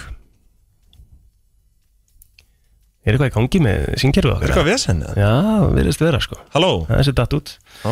Já, en ég bara svona, já, þetta, þetta er, þetta bara er vissulega þetta. hittamála Nei, þetta, já, við svona förum að, förum að gera það sko En svona, þú veist Þetta er ógæslega erfitt mál En, en líffræðilega í grunninn Já, Það sem hefur verið í ge- gegnum öll þessi ár já, Allar áraræðir Mhm. uh, Höfum við verið í þessu Þetta er til dæla nýtt á nálinni Með allt hitt já Með, með öll hinn kynin Já, það er náttúrulega eitthvað sem að með þessi heinkyn sem að myndi kalla svona félagslegt sko, út frá félagslegu sjónamiði að það eru til einhver uh, skilgreind, þú veist 60, 70, 80 kyn eða eitthvað Já, svo leið sko. þú veist ég, ég er nokkuð vissum að það er ekki hægt að benda á 60, 70, 80 líffræðileg kyn, Nei, fattar mig? Já. Þetta er oft svona eins og ég segi félagslegt og, og oft tengt við kyn negð líka. Já, taka einnig viðbútt Já, já, tökum einnan Góðan daginn. Góðan daginn. Já, góðan daginn. Góðan daginn. Það skelltist á hjá mér aðal þegar ég var að hengja. Já, Það ok, hérna, og það er eitthvað, eitthvað í gangi. Það er hérna, ætla að segja er, sko, ég held að upp í grunnum sé þetta alveg bara að, þú veist, þetta er umbrúlendi fyrir fólki sem vill ekki, Mhm. við það kynið, uh, vill að barnið sitt fá að ráða sjálft hvort það sé stærta eftir ákur, ef það er trans eða hvað sem það er, að sína skilning og umbrúlendi fyrir því, ekki ef að mig langar að vita hvort er stærta eftir ákur og ég eignast stelpu og ég þú veist, ef að með sem stelpu en fyrir mér villum vera að það sé meira svona umbrunandi fyrir því heldur en að vilja breyta einhverju Já, einmitt, og mér finnst þetta gott teik sko, en, og þá fer ég sko í, í sko, ef við setjum þetta bara í, í mitt líf, skilur Já. ég fekk að vita að Patrik væri strákur, skilur ég, ég vildi vita það sem foreldri, skilur en ég er samt umburalindi og, og fyrir því að ef hann myndi vilja skilgrana sig sem eitthvað allt annað þegar hann er eldri, skilur Já, já. Æ, það er nefnilega heldur meira máli að sína skilning og, og þó svo skiljið ekki að vera bara, já, ok, hei, þetta er þitt, skilju, ekkert mál. Snýst þetta ekki bara heilt yfir eins og mér fannst eiginlega besti punktur í þessu bara snýst ekki heilt yfir um að þú hefur ákveðna skoðun þú virðir skoðanir annara og reynir bara að fræða þig svolítið um málið skilur, ef, að- ef, Ég að- það. ef að þetta er eitthvað á endanum Ég skilur held það, ég meina, ef fólk vil fagna þér saman hvort þau komið strákur, ef fólk vil fagna þér, þá fagna þér því. Já, Einmitt. einmitt, Þú veist, Ég- ég... mér finnst það, þú veist, Já. ef að þú vilt fagna þér sem að koma bara líf, þá fagna þér sem að koma líf. einmitt Þú veist, þetta snýst bara um þitt hugafar og fólk í kringu þarf að skilja það að þetta er þitt, þó að það myndi gera öðruvísi. Algjörlega. Ég held að það sé, ég held að Það það er sé bara svolítið punktur Já. Einmitt, takk séu, þetta. takk hérlega fyrir. Ég held að þetta séu bara mjög góð lokaorð inn í, inn í þessa umræðu. Já, Þó að fleiri séu hérna á línunni Þá bara því miður verðum við að já, 100% Ég held, Hvort einhver staðar. ég held líka bara að við- það væri ekki bara holdt fyrir okkur að fá okkur gest hérna til að, hérna sem að veit kannski betur og ræða bara um, um Og kynin og öll og Ég tek það fram að við erum ekki sérfræðingar En við viljum læra nei, Við viljum læra við Við erum allir að vilja gera til að læra sko. og við viljum sko, ef, ef að það er einhver að núti sem að eru kannski að blöskra eitthvað yfir umræðinu eða eitthvað, Já. skilur bara hafið þið samband við okkur endilega. bara á Þetta fe- Instagram eða Facebook eða eitthvað og hérna Þetta er hittamál Það er ekkit ólíklegt að einhver sé þarna öskrandi í kottan. Já, nei, ég að segja það og ef einhver vill bara að við fáum almennilega fræðslu þá megið endilega koma með hérna, bara einhverja tillögu af gesti sem að myndi mæta hennar til okkur og fræða okkur aðeins betur. Algjörlega Þannig að þá hendið þið bara okkur línu. Þetta var hitamál dagsins í dag. Brennslan á FM Það hlusta á brennsluna og uh, við ætlum að halda þess áfram í uh, umræðanum sko því að ég sá uh, svona frekar aðtilsvert myndband á uh, jú, uh, marg uh, umtöluðu TikTok. Já. Uh, og ég, mér, mér fannst það mega aðtilsvert að því að sko það er ímislegt sem að við erum að upplifa núna og svo svona, við snertum inn á þessu líki morgun sko í fyrstu kynningu þegar við vorum að ræða bara að við erum að upplifa alls konar hluti í tækniframförum og tæknýjungum og við erum af þeirri kynnslóð Einmitt. Og við, ég sem sagt sendi á þig þetta myndband, svona aðeins til að þú myndir kíkja á þetta.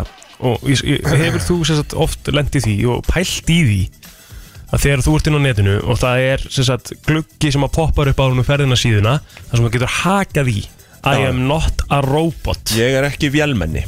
Ég er ekki vélmenni. Já. Og maður Já, er oft svona bara, við hvað, að því að þú, ok maður skilur þetta meira þegar þú átt eitthvað, herru veldu hérna myndir þar sem að það er gangbraut. Mm -hmm. fattur þú? Einmitt. Til að útskýra það að þú sért ekki robot. Alveg fáralegt sko.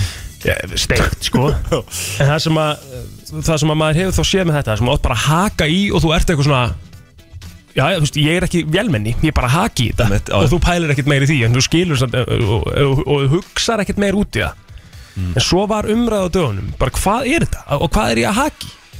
Veist Já. Og þar kemur fram sem að mér fannst svo magnað Mhm.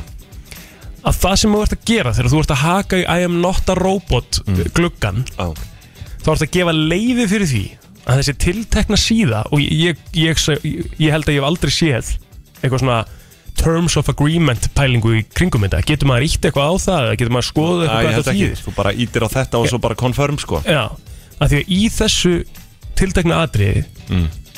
þá ert að gefa þessari vefsíðu sem þú ert að fara inn á leiði til þess að skoða browsing history þitt aftur í tíman Já. Þannig að ef að þú Ekki bara það, það var líka bara every keystroke sko. Já, Það er bara bara allt sem hún skrifar á símaðin já.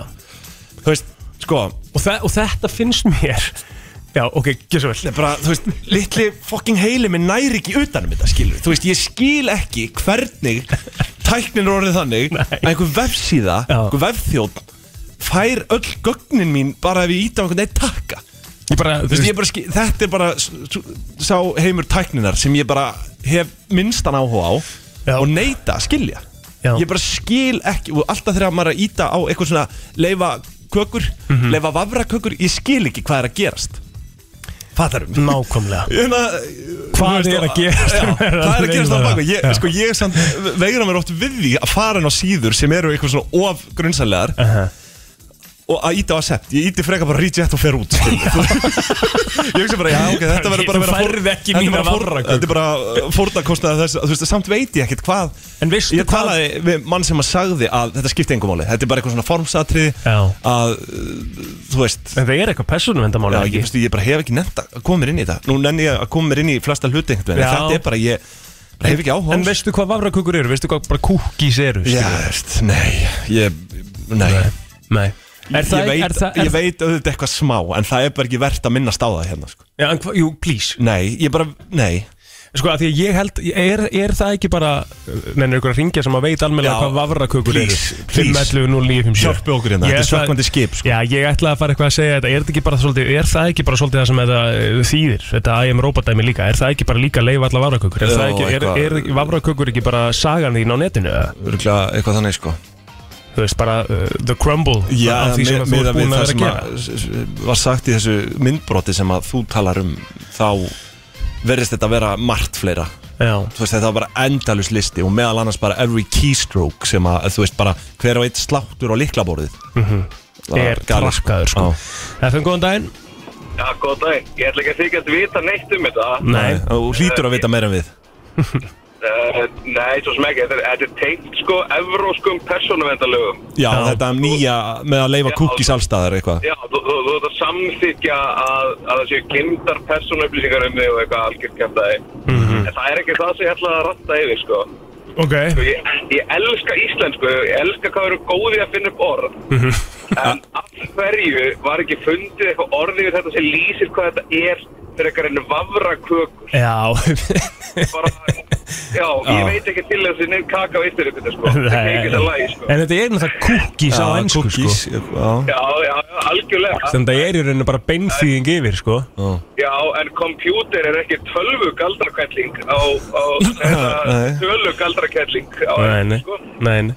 Er, er, kom, kompjúter er, Orðið yfir það sem að segir fólki hvað þetta er. Já, það er, já, einmitt, þetta er gott Já, það er hægt að taka mörg dæmi um svona eitthvað fárulega þýðingar, ég meina tjákn er emojis og þú veist, en það er þó allavega að vera að reyna og ég fagna því sko. Já, þú ert Já, líka já, mikill talsmaður íslenskunar Ég er náttúrulega mikill talsmaður íslenskur, það er rétt.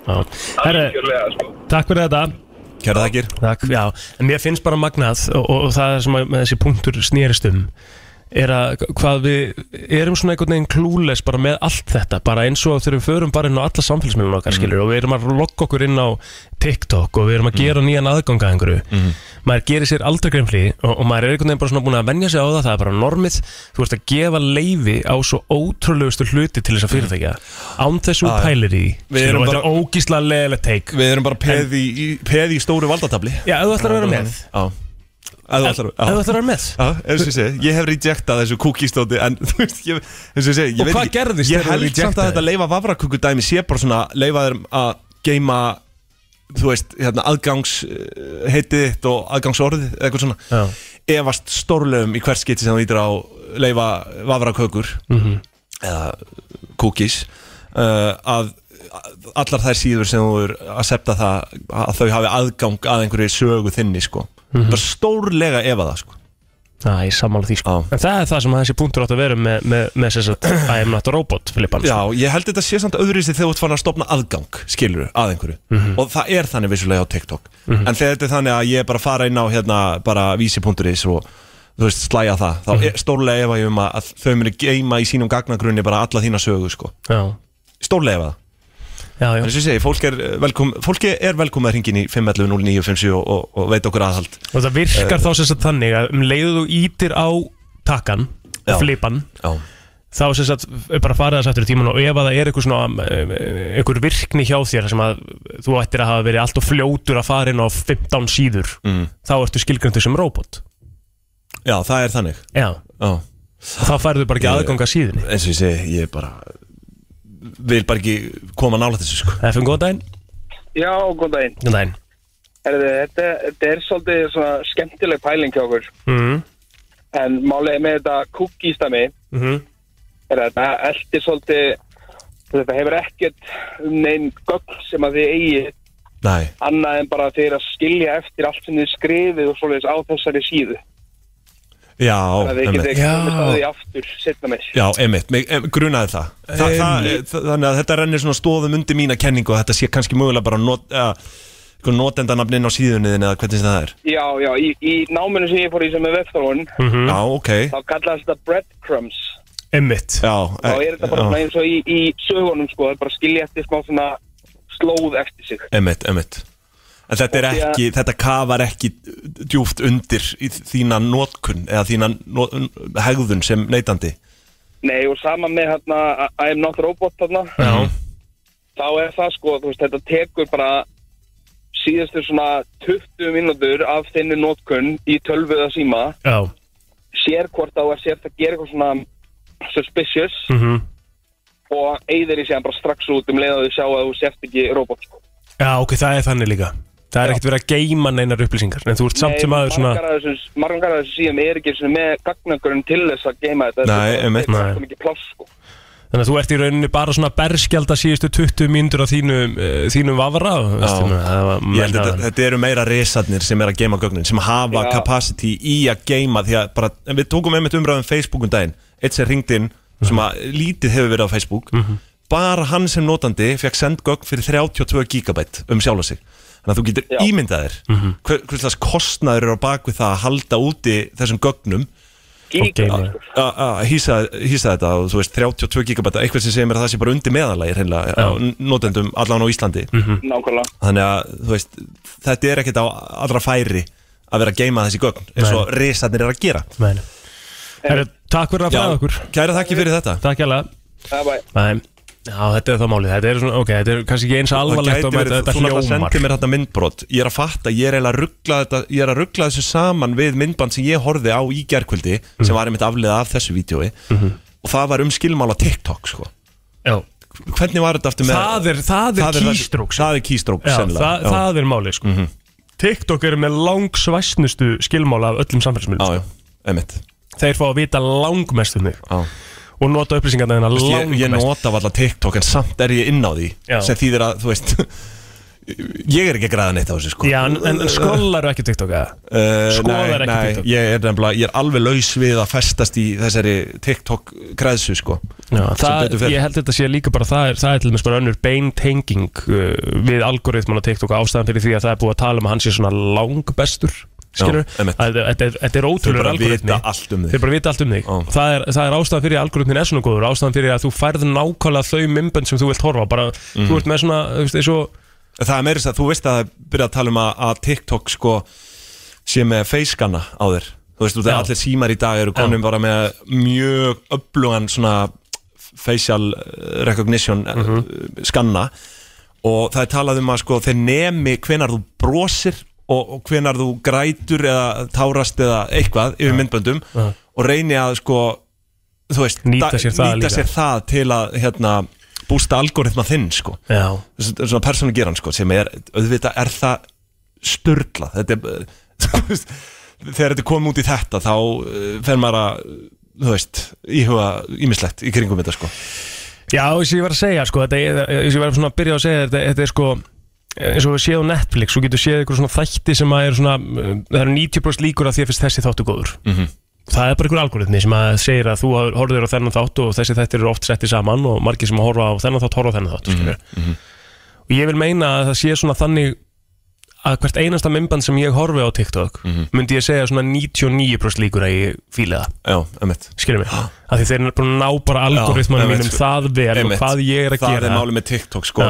Veist, Facebook er ekki svona þróað Instagram Nei. ekki heldur. Nei. ég er að fá fullt af einhverju krappi þar sem ég hef ekki áhuga en svo er eitt punkturinn í það að Facebook uh, let mig fá áhuga á krókodílum til dæmis Þú veist, þeir eru búin að fæða eitthvað, eitthvað svona áhagamál sem ég vissi ég hefði ekki. Já, ég veit ekki hvernig það gerðist en bara Facebook hjá mér þetta Reels á Facebook sem er í rauninni í gegnum Instagram, já.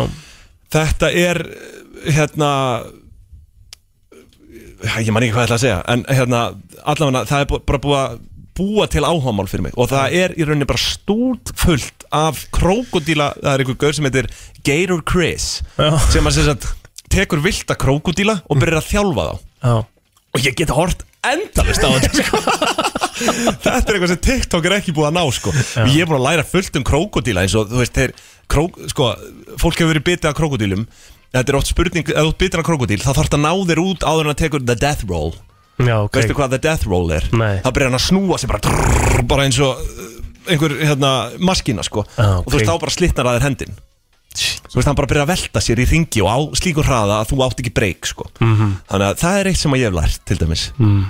og hérna krókudílar eru gjarnir að gera Er, þetta er krókudílar ekki með hérna, Sko- sterkasta svona bit Jó, í heiminum? Jó, og, og sko krókodílar eru í rauninni einhverstað las ég það án þess að alltaf kasta fram þeirri fulleringu að það er eitt af fáum dýrum sem eru ekki bara til gleðihormón í sko Já, ha, Þú veist að þú hefur nefnilega, þú veist, ég var alltaf svo forvit, ég, ég Ok. elska að sjá bonda á milli manneski og dýra já, og það, það, það er sennilega ástæðan fyrir því af hverju ég hef svona mikið áhuga á þessu því að þetta, þetta, er, þetta er maður þarna Mhm. sem er að ná einhverju bondi við krókudíluna en það er gjörsamlega fast á þeim grundvelli að hann bara sér þeim fyrir mat og ef hann kemur ekki með mat einn daginn Mhm. þá munir þeir bara geta hann. Það er bara þannig, þeir ná aldrei þessu bondi eins og maður og hundur myndu gera. Hundur myndir hreinlega bara fara að leita að fæði fyrir eiganda sínum. Já, krókudíl myndir bara borða þig. Já. sama þú væri búin að ala hann upp frá fæðingu sko. Mér smögnum pælinga að það sé bara ekki að eitt af þessum dýrum sem er bara ekki til gleði hormón í. Já, Þeir Þeir las munu ég- aldrei sjá einhvern mann bara labba hér Þetta er gæðin sem kemur að borða, gaman að sjá þig hann, hann mun alltaf bara geta þig en, hérna,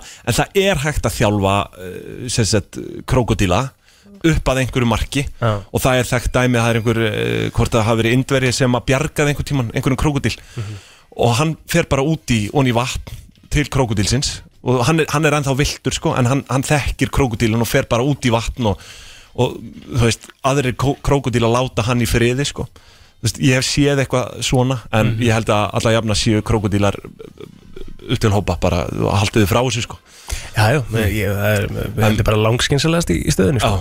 Herðu, nóðum það, við erum að fá- hérna gest hérna sem að við bókuðum á mánudaginn. Einmitt, í kringum, að- kringum uh, já, svona þróunakenningar Já, aspektin búin að vera svolítið svona alvarlegum umræðum í dag Eða þú veist, ekkert alvarlegum Nei, ég fóð fólk hefur gaman að þessu. Já, já, við Það er alltaf skára en fatt siðmenningar. En ég get komið nánar inn á það líka. Ég hef fullt af fleiri pælingu hvað það var sem Já. ég fór ekki yfir. En við, við erum samt sem að vera að fara í, í, í sko, okkar mati allavega. Já. Mjög skemmtilegt umræðum eftir smá. Já. Þannig að ekki fara neitt. Helga Kristín Torradóttir er að koma hérna til okkar. Hún er, uh, sko, hún er eldfjalla sérfræðingur brennslunar En hún ætlar að koma hérna og vera með svona svolítið annað umræðni eftir öskamastund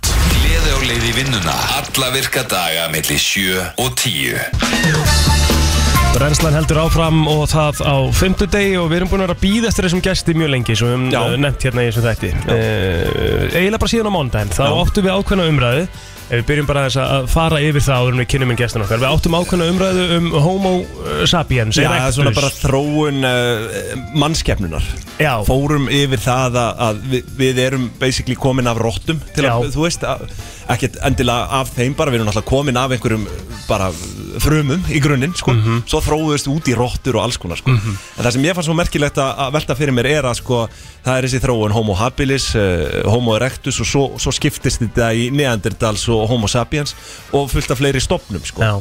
uh, einhverjir kunna hafa mist heilasilur við þá umræðu Já. sko, og þú veist og ég afsaka það auðvitað en, en, en hérna, ég við erum ekki fræðimenn og við erum, að, við erum að velta þessu fyrir okkur Já, og hérna, og, þess vegna erum við komni með hana til að hérna, svona, snerta á þessu við erum aðeins með okkur. komum með hana Helgu Kristín Já, Dóradóttur einmitt. og hún er eldfjalla sérfræðingur brennslunar fyrst og Já. fremst. Það er svona eiginlega hennar heiti sem að hún er aðalega að vinna með. Einmitt, bara í já. dælu, sko, í dælu tali og svona. Einmitt. hún kynni sig sem það sko. Já, En hún er hérna til að ræða þetta, velkomin einmitt, ég- Helga. bara hjartanlega fyrir. velkomin. Já, og bara takk fyrir að koma og takk fyrir að hérna, Takk fyrir að veita okkur aðhald. Já, það er mjög nöðsilegt inn á milli.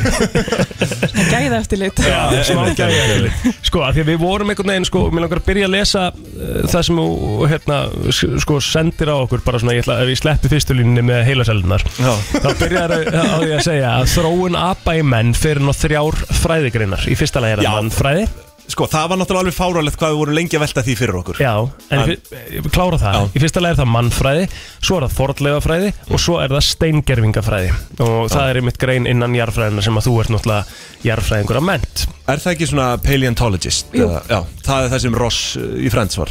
Já.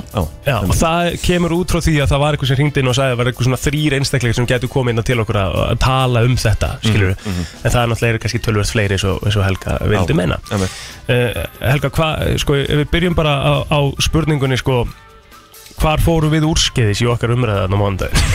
Já, Sko, ég, ég, svona, ég var bara að keira heim, ég var að, fór á æfingu og svo, svo tjúnaði inn Já. og hérna, þetta greip mig strax, ég eitthvað, ú, þeir eru að tala um hérna, Já, eitthvað á mínu svona sviði. Já, en svo, svo fór ég svona, ég hugsa, ok, þeir, það, er, e- það vantar eitthvað þarna og svo fatt að þið voru bara svona ræða þetta já, eitthvað það var bara eitthvað svona kastað svona, kast- Já, kastað já. svona velta sko. steinum, dóldi En sko ég, ég að því að þið voru að byggja fólk á hringin Já. Ég reynda hringin Já, ok. Og hvað, náður bara ekki inn? Nei, það kom, Já. kom ykkur annar inn á Já, ok Það er búið að vera uh, mikið að ringja þegar við erum að ræða Það er gott, Vi, við viljum aðhald sko Já, En hérna, já, við náttúrulega förum yfir þetta á frekar stuttum tíma Eða þróun mannskefnunar þetta er, þetta er langt ferli og eins og bara flesti vita fleiri hundru þúsund ef ekki miljón ár. En uh, sko það sem við vorum þarna fyrst og fremst að- pæli var þessi skipting á milli sko homo sapiens og homo neanderthal. Uh, Þessar tvær tegundir, þær eru í rauninni í sama flokki eða ekki undir það sem við kallum homo erectus? Uh, Þekkiru það? Já, sko Það hafa náttúrulega verið margar svona prímata tegundir. Já, Og við erum við einu eftir. En það er ekkert svo langt síðan. Það er bara Hvort það sé 100-200 ár, ég man það ekki alveg. Mhm, sem var einhver eiga í, bara rétt hjá segjum með eitthvað, það sem var eftir einhver prímatategund sem var bara búin að einangra sig en hún er ekkert lengur til Einmitt. sko. Ég man eftir þessu. Þa, Það var þá bara svona sér Það voru einhverjir minni Já, Minna já. Ég bara man ekki alveg söguna Nei, en, nei, nei. en þetta er mjög nýlegt sko. sko. En, en það, það er einmitt talað um að- við höfum verið þarna fleiri tegundir sem ráfuðu jörðina undir þessu nafni homo eitthvað sko. Sem ég finnst mjög áhugavert. En mannskefnan í, á endanum tók yfir. Og það er jáfnvel talað um að við höfum blandast við neanderdals eh, fólk líka. Þannig að í okkur lifi einhvers konar 0,1% arfleið eh, frá þeim sko. Þannig að þetta er, þetta, er, þetta er skemmtilegt að velta fyrir sér. En svo tókum við náttúrulega líka á höfrungum já, já. Í þessum sömu umræðum og Já. bara og risælur og allt þetta og þú sko þú ert rosalega fróð bara um steingerfinga skilur það er náttúrulega sem að þú hefur líka alveg verið svolítið að- að- að að stödd uh, bara stúdera skilur og, og þá langar okkur að spyrja það því að sérstaklega ljósið þess að Kristín Rutt til dæmis og er bara á þeirri skoðun að risælur eða sko ég veit ekki hvort þessi bandir hjá henni ekki, mér finnst bara eins og eigi að vera bandir. En, en samt sem áður, þá er hún alveg að tala um það að risælur hafa bara ekki verið til. Minn góður. séu samsæliskenn Já, hún er þar. Já, Já, einmitt. ok, og, og þú sem stengjarafræðingur getur ekki bara tekið hún, er bara, það? hún er bara að strauja þína fræðigrein hérna. ég skal bara hitta hann á kaffehúsi og þetta sko, hérna ef ég spyr ykkur svona hvaða dýrategund haldið þið að svona eigi jörðina eða svona, sé svona, ef þú hugsaður um jörðina Já. hvaða dýrategund myndir vera svona dominerandi Það Maðurinn er bara mannskefnan mm. En við erum fyrst til fyrir kannski svona 300 árum Já. sem er bara sekundubrót í Einmitt. jarðsöguna Mhm. en ef við skoðum risaðalur þá urðu þær fyrst til svona fyrir 252 miljónum ára síðan Mhm. og urðu svo útdöðar fyrir 56 miljón ára Mhm. og hvað er þetta tímabil langt?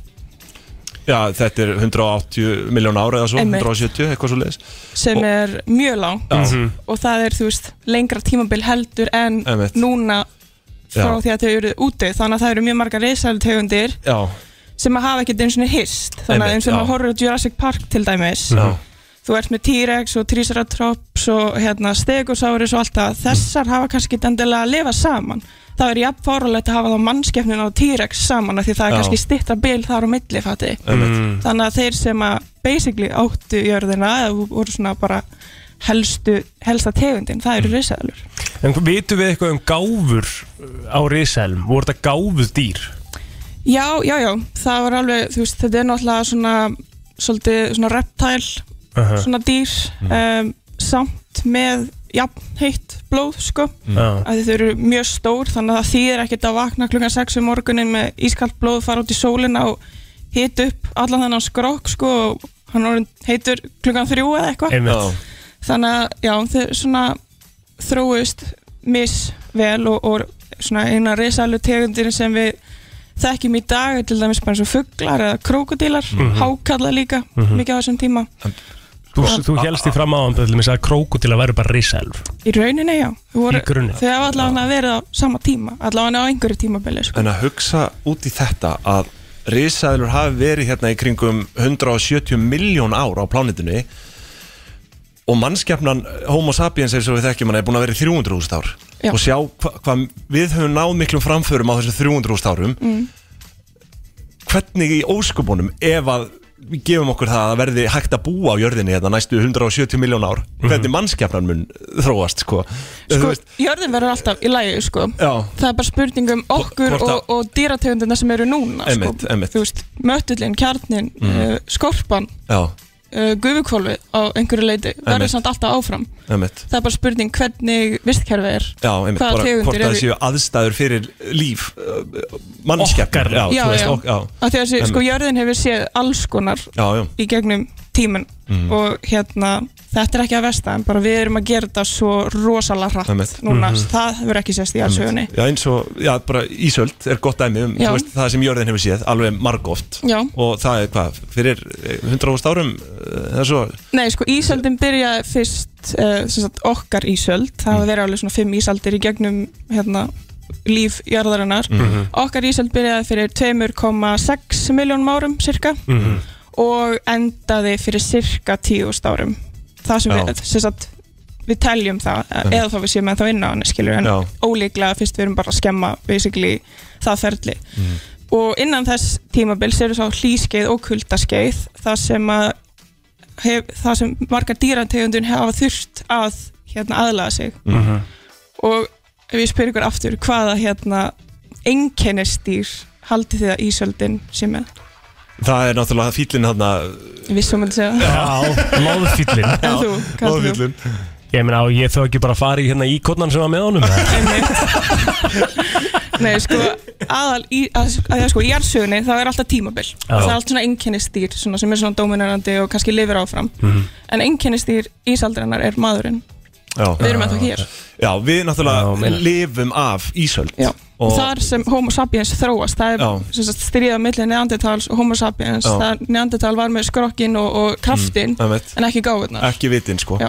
það er einmitt það sem ég saði uh, komið þarna í framhaldi er að, að, að Homo sapiens byrja að smíða svona long range vopn sko. Mm. uh, á meðan að neanderdals maðurinn fór bara í kontakt og það var kannski fórnarkostaðar að sex dóu við að ráðast á eitt fíl sko. Mhm. og meðan mannskefnan var kannski bara með boga eða eitthvað það er sko. bara work smart not hard. Nákvæmlega sko, það er doldið sumir að það upp sko. En með Ísvöld aðeins, hefur þú heyrt á kenningu, hefur þú heyrt um Planet X? Planetu X er það okkar uh, Nei, það í okkar sólkerfi, nú er ég kannski að fara út fyrir þitt svið En það Nei, er svona nei, nei, nei. Eh, eh, en þetta erum sko- bara að það er- ræða. það er talað um level. að- Það er talað um að sólkerfi okkar Það sé bara mjög þú veist, Það er möguleiki á því að það sé önnur pláneta uh, sem heitir Planet X og hún fer bara það hægt og er með það langa sporbraut að uh, hún hafi áhrif á það hvenar ísöld er á jörðinu og hvenar ekki.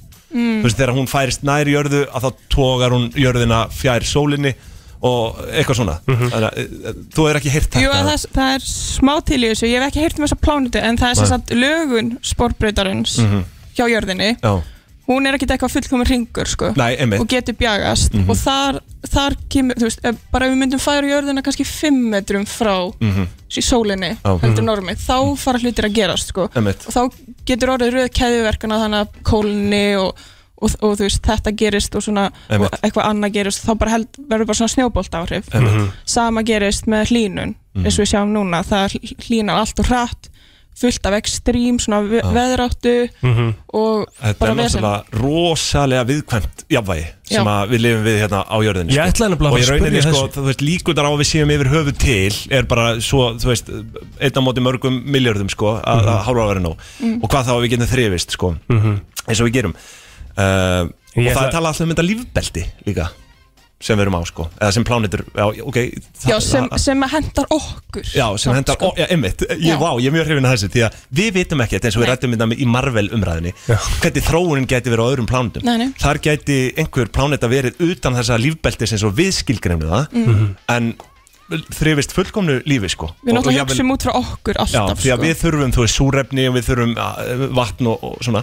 Svo kannski ykkur, ykkur lífverður sem að, þú veist, þurfa fljótandi gull til að lifa Mhm. En ekki fljótandi H2O En sko líf á jörðinu kveiknarunni í súrefni snauðu umhverfi, það er á svona úthafsríkjum eins og Reykjanesríkurinn er, Já. það sem er svona strítur, svona há- háhita strítur Mhm, Já, og, og það er bara, þú veist, svona snefilefni, útfellingar, brennisteinn og svo leis, þar kveiknaði svona bakterjulíf, sko, já, fyrst emitt, emitt og svo þróaðist það náttúrulega þróast koll af það. kolli, sko. Meðal annars út í rottur Og það út í menn Og, og, og það út í menn að við erum í rauninu of hundum, sko. Ég elska þetta. Já, við, Já. ok, við ætlum að pakka artar saman þetta og se- taka rottumræðina og bara slaufinni Við erum ekki af rottum, en það er bara Það, sko, það var, það var svona við- lítill svona hund, hundategund Já. sem var til á risaðlu tímabilinu Já. sem var svona bara gróð inn í hólur og bara lifði þannig af og svo þróaðist spendýrin út frá því sko. Já, það, það er mjög skemmtilega punktur út af því að við í, þe á þeim tíma í þróunarkeðin okkar þá vorum við rottur um út af því að við vorum að fela okkur fyrir Mm. ekki, eða bara fyrir öðrum landdýrum vorum við Já, þú veist, við þróumst út í rottur út af því að þú veist, við fórum að fela okkur inn í, inn í svona hólum og Já, í rauninni þegar verður svona, svona massa, eh, svona extinction Já. svona útrýming uh, við þá, þá, lofsteinin, eða ekki Já, og svo rauð atbyrð, það var eldgóð svona í mjög langan tíma og Mm. svo leiðist þannig að það var, varð rosa margt sem var til að var bara hrun, basically Já, og þá, þá er svo góð regla sko ef þú ert lítill Mhm. og getur komið fyrir á einhverjum stöðum að þá sko heldur áfram en svo þessi stærstu dýr þau, þau sem sagt átt ekki breyk Nei. Nei, einmitt En það, það einmitt, við lifðum af, þú veist, okkar arfleið lifði af út af því að við gátum komið okkur fyrir Mm. í eh, einhverjum aðstæðum þar sem að, þú veist, voru ekki hættulegar beint, sko. Mhm. þetta, er, þetta er alveg magna, sko. Ég er að spyrja líka því þú sko, þú segir þetta við mig að þú hafir sko fundið slatta stengiringum sjálf. Já, og þú eigir hákallatennur sem eru 400 miljónir ára. Veit og þú hefur fundið bein úr uh, því sem kallast svaneðla. Já, Ok, byrjum á einu Af hverju eru tennur og þá er það vantilega bara í grunninn hvernig virka steingirvingar, skilur við Hvernig, af hverju er uh, 400 miljón ára tönn, af hverju er hún ekki bara horfin, skilur við já, 400 góð milljón ár. punktur. Hún stengir vist sem Já, já. ver, verður í rauninni að öðru efni en hvað var upprunalega sem Mhm. er kannski eitthvað harðara sko. Þannig að hérna, já ég, ég var bara að týna þarna hákallatennur úr, úr einu svona lægi sem ég vissi að væri 400 miljón ára gamalt. Mm og það er, það er sagt, í rauninni bara eins og tökum Grand Canyon til Mhm. dæmis það er bara að það er setlög eftir setlög eftir setlög, bara Mhm. stabli -hmm. og ert, það er bara tímalína það er bara jarðsagan frá einhverjum punkti og upp að yfirborði sem að þú veist er eftir þannig að þú ert að klifra í Grand Canyon það er kannski eitt skref upp kannski einhver hundrað þúsund ára eða eitthvað Já. svoleiðis og þú sér alltaf nýja og nýja tegund sko, Mhm. sem er alveg klikkað sko. Já, það er, á, En svo við höfum er ekkert af þessu mögnuð, hér á. Íslandi að því að við erum bara max uh, 16 til 20 miljón ára gummul. Já. Við höfum aldrei sér risaðlur eða neitt svoleiðis. er, ta, hvað, hvað er talið að hafi verið af lífi hérna fyrir einhverjum miljónum ára á þessari tilteknu eigu, Íslandi? Fyrir einhverju miljón, sko eina svona, Þú veist, Það er verið Um, erfitt að þróa líf hér já, neða reynda sko þegar það var landnám var alveg sko með fleiri skóar og það var hlýra sko. Já, En svona eina, eina dýri, eina spendýri sem á uppreyna sinn hér er, er refurinn sko. já, það er refurinn En það hefur verið, það fundist í einhverjum lögum fyrir austan hérna svona bein úr dádýri Mhm. Að því það er talað að vera svona landbrú hérna á milli. Mhm. uh, annars eru sko stengirvingar hérna á Íslandi bara skelljar og laufblöð sko. Já, Og einmitt. í hvað er En Já, við vorum náttúrulega, það er talað um að bara heimurinn hafi verið samfeldur einu sinni. Já, misjamt, það er náttúrulega, já, mjög góð punktur á að koma inn á það, það er náttúrulega allt sem að sko stjórnar þróun Mhm. Það er bara jarðfræði í rauninni, það er það að landslutari séu að færast til, það rís fjallgarð þarna, það verður regnskuggi hinum megin, það þróast eitthvað þarna Mhm. það verður eitthvað, eitthvað sko, veist, allt sem að stjórnast í þróun er bara jarðfræðilegt Einmitt. og bara hvernig flekarnir er að reyfast og hvað, hvað hvaða sem sagt, umhverfi er til staðar en, Mhm. en er talað um það að refurinn hafi bara átt upphaf sitt á Íslandi Nei, náttúrulega upp af Íslands er bara basically Sjónum. fyrir 18 miljónum ára Já, þess að bara Ísland var ekki til það bara Nei. spratt upp úr, sagt, á flekaskilunum sem við erum á út Mhm. frá sem möttulstrók sem er undir vatnajökli sem fræði heitur eitur Mhm. og það er náttúrulega við, við, við séum eins og surtsegu og svo svoleiðis, það er bara að byrja þannig Mhm. og þess vegna var surtsegu til dæmis svo mikilvæg í að, að rannsaka mátti enginn fara þarna, má enginn fara þarna því við þurfum að sjá hvaða líf kemur fyrst Já, á staðin það er náttúrulega fuglar og eitthvað svona og Já, einhverja já. plöntur sem fjúka af landinu með einhverjum fræjum og eitthvað svo leiðis Mhm.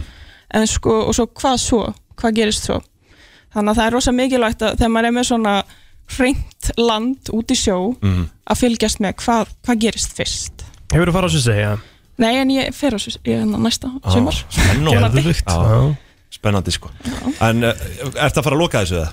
Ég sé það á áfram Því aðeins, að sko. ég er með eina spurningu. Já, já, Sko fyrir eldfjalla sérfræðing. Yellowstone. Er, Já. það, er það komið á tíma? Já.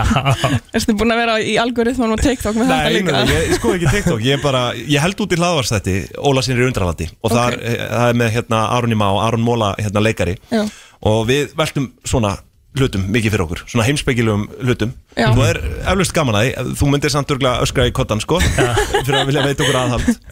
En í einu þætti tökum við með fyrir uh, Yellowstone. Ok, og það kemur í ljós að eftir nánari skoðun að það er komið á tíma Mm. og það er talað um að það verði svona eins og kallað super eruption eða þú veist. Nú ertu aðeins að útskýra sko fyrir þeim sem að er að hlusta.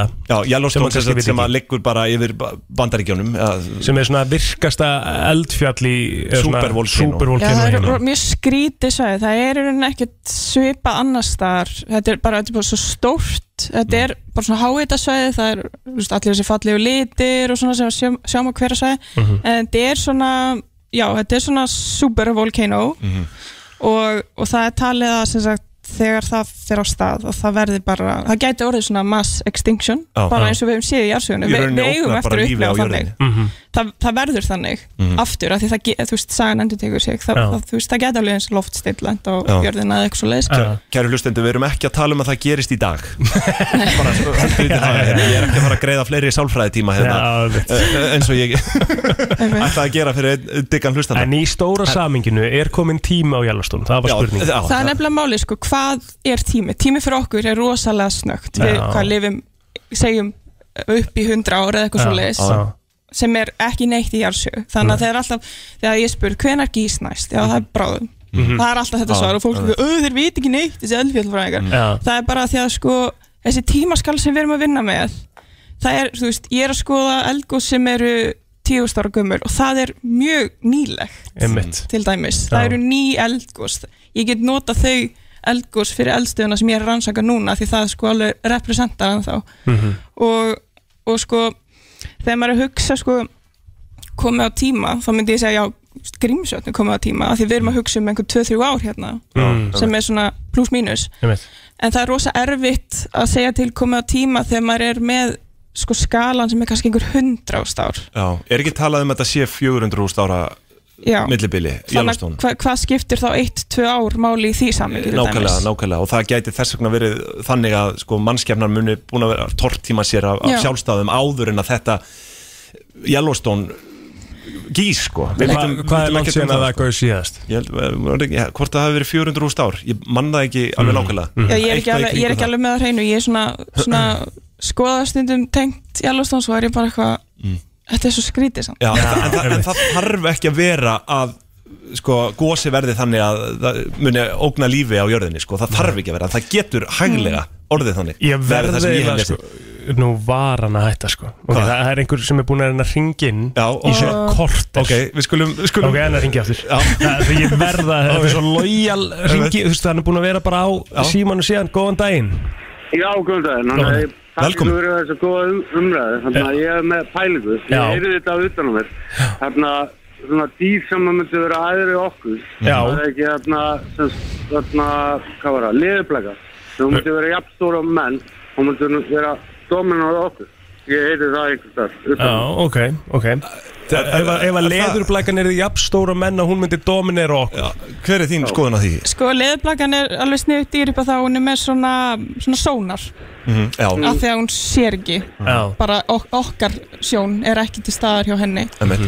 en svona greindarlega séðan ég veit það ekki, ég meina það getur alveg vel verið að, að hún þróist út í eitthvað sem að þróast út í eitthvað sem að þróast út í eitthvað og Já. þar komum við inn á einhverja dýrategund alveg eins og til dæmis uh, kvalurinn þróaðist út frá bara svona hálgerðu svona einhver mús þannig séð Já. sem að, þú veist svo þróaðist í tvent, það var sem sagt flóðasturinn og svo kvalurinn, Mhm. þannig að það eru rosa mörg skref, en maður veit ekkert hvar í þessu skrefi allt í hennu verður þetta eitthvað rosalega gáfa Þetta er kannski góður base sem leðurblökur ha, blökur hafa til að þróa eitthvað skonar vitsmunalífi eða, eða þannig Já, Já. Skemmtileg, skemmtileg pæling. Já, virkilega skemmtileg pæling, takk fyrir að ringja Gerða það ekki.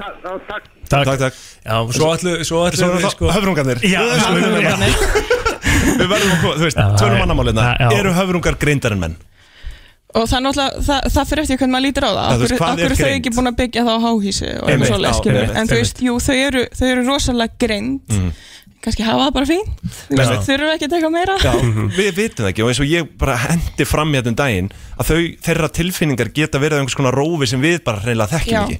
Og, og tí, þú veist, þau eru með allt aðra þú veist, tíðinni, hvað var það, heyrðn og svona og jú, jú, það, sko þú veist, ég segja að höfrungar sé að fara að þróast út í eitthvað annað, það er þá, þú veist næsta tegundin sem tekur við Mhm. af gáum, þú veist, gáurnar halda áfram með kannski verið eitthvað aðeins og það geti gerst eftir uh, hálf miljón ár skilur þú veist það það gerist á rosalega hægum skala Einmitt. með okkur, það er til dæmis núna þú veist, það eru börn að fæðast á hverju sekundu Mhm. og það er alltaf eitthvað svona kannski eitthvað innra með okkur sem að er að þróast Mhm. það er bara þú veist, bara eins og með endiaksla eða eitthvað svo Já, einmitt. eða, eða botlangi, við þurfum það ekki Mhm. og líka menn á eftir að fatta, ok, við þurfum í rauninni ekki þessa þætti, Einmitt. akkur er ég að framleiða þetta Mhm. það náttúrulega tekur rosalega langan tíma Mhm.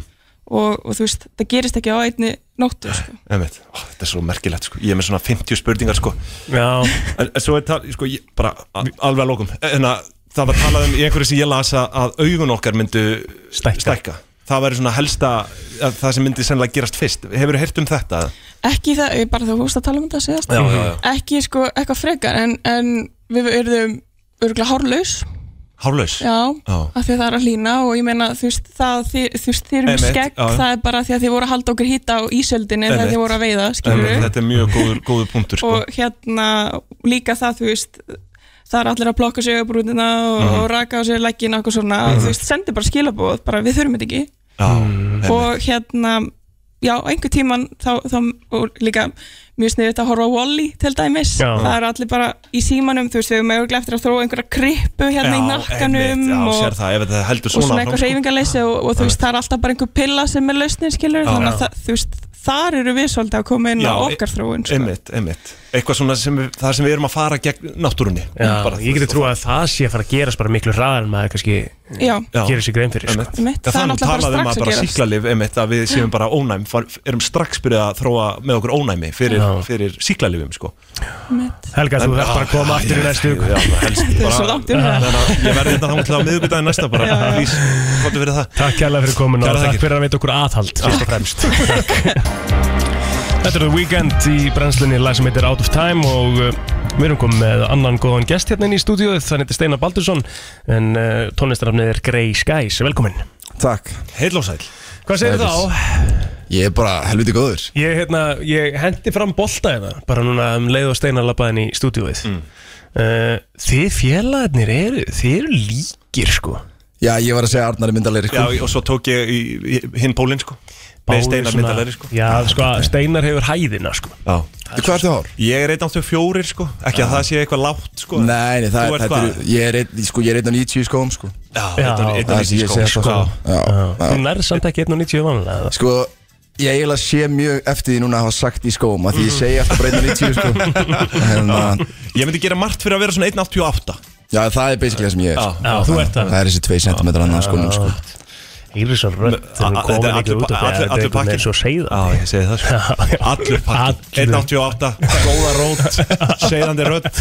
Alvöru segðandi rödd. tónlistamæður Successful tónlistamæður Bara, þú veist, hvar skrifa ég undir sko? Sko, ég verða að hérna, byrja bara á því að spurja skilur, þú náttúrulega uh, áttir náttúrulega ákveði breakthrough á sínum tíma með, með steinar projektinu Já, skilur, og þú ert svona svolítið bara búin að fara í aðra átt og, Mhm. og, og þar að leiðandi breytur nafnunu yfir í Grey Skies já Hvað var það sem að, veist, sem að var, veist, breytingin? mm, poppi Hva- hva- hvað varð til þess? Já, hvað var til þess? sko? Ég held bara að það er- meira svona rock feeling Það er erfitt sko að þegar maður er búinn að svona stimpla sig inn á ákveðina átt Já, þá er pínu erfitt að hérna, breyta því. Og ég sé þetta alltaf fyrir mér svona að, að, hérna, að þegar ég var gefa út fyrst þú veist, þá var ég bara, þú veist, ég byrjaði að gefa út þegar ég var 18 ára og, hérna, og vissi ekkit almennilega þú veist, hvað ég vildi gera. Og mér leiði svona eins og þetta væri bara pínu pröfa Mhm. og hérna, og ég sá bara fyrir mér að, að þegar ég svona vissi betur hvað mér langaði að gera og hvað mér langaði að segja og hvernig mér langaði að svona presentera tónlistina mína að þá langaði mér unni bara að byrja fresh, bara að byrja með hreinan strega og hérna og þess vegna ákvæði að breyta um nafn, þetta var gert líka í samráði við hérna plötufyrirtæki sem ég var með samning á sínu tíma og við tókum allt gamla stöfið út og, og svona og hérna og átti að vera mjög mikið púður sett í þetta svona nýja projekt en, en svo hérna sko alls konar hlutir inn í myndin eins og COVID og svona. En við erum að fullu núna. Já, það er eitt veitu, er- lag hins vegar. Sorry, það er eitt lag sem, þú, sem að þú hefur gefið út undir báðum nöfnum Nú er ég loyal, þú veist Ég er loyal fan, Steinar Það er svoleiðis The Mind is like the moon Já, já, já Það var já. gefið út sem Steinar líka Egil, Egil veit hvað hann syngur sko. Já, ég, ég er ekki alveg, alveg þannig sko. Ég hlusta alltaf bara á og- Abba og og- bílana og sko. sko- við, höfum, við höfum rætt þetta Og báðar útgáður af þessu lagi eru geggjaðar sko, Já. En þetta er svona það eina sem að náði einhvern veginn í gegnum Já, takk fyrir það Já, hérna, já, það passar Það passar, ekki? jú Hvað er, af hverju? Af hverju horfður á það lag og sagði bara ég get gefið þetta aftur út? Það var öruglega líka bara eitt af svona senustu lögunum sem ég gaf út undir steinarstandur Það var kannski svona meira, þú veist, í áttina sem ég langaði að gera Mhm. tónlist, sko. Mhm. Þannig að, hérna, en svo er annað, sko, þegar maður er að gefa út undir sínu einu nafni Þá verður þetta eitthvað svo persónlegt Já. Það verður svona, þú veist, ef einhver er að tala um tónlistina eina eitthvað, þú veist, þá ert það bara þú. Bara stein þú það er Ég held að það sé okkur holdt fyrir listamenn að vera með eitthvað svona eitthvað svona að, trýta listina sem svona, ok, þetta er bara svona eitthvað bíll Mhm. sem ég get bara hlaðið að vetni og bara kyrt hann áfram Mhm. frekar en það að vera að hlaða á baki mitt Já, einmitt, þetta er skemmtileg samlíking Mér finnst það svolítið eh, Mér finnst það alveg svona pínu eh, það, Mér finnst það að hjálpa mér að Því þá svona distansar maður sjálfan sig aðeins frá listinni Færðu alveg sem er frelsi bara, skilur Já, ég held það, ég held, þú ert ekki, þú veist, þú, þú, að því hvert lag er ekki að einkenna þig Þú veist, þetta er bara projektið Ég, ég held að þannig ertu, þegar þú ert komin í eitthvað svona listamannsnafn, þá ertu komin í eitthvað svona annað hlutverk Einmitt. og þar að leiðandi uh, ég myndi halda að maður þóri meira Einmitt. undir einhverju öðru nafni fattar, þó að Mhm. allir kannski viti nafni þitt Mhm. en bara vera með eitthvað listamannsnafn myndi fyrir mér allan að íta undir sko, eitthvað, það myndi auka bara sköpununa hjá mér. En, Já, förum veist. bara alveg í sauman á því Þá Já. er náttúrulega bara ástæða fyrir því Væntanlega í grunninn Að það er ekki allir að gefa tónlist bara Þú veist, undir sínu nafni Já. Skilur Já, já, Það einmitt. sé bara til eitthvað sem heitir uh, sv- Sviðslistanafn Skilur Já, eða bara,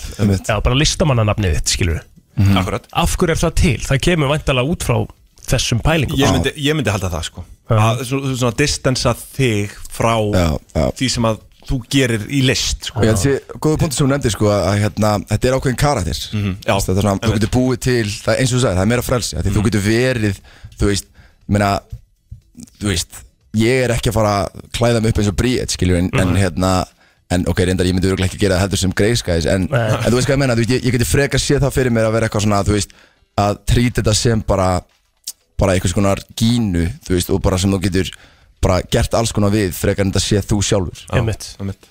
Já.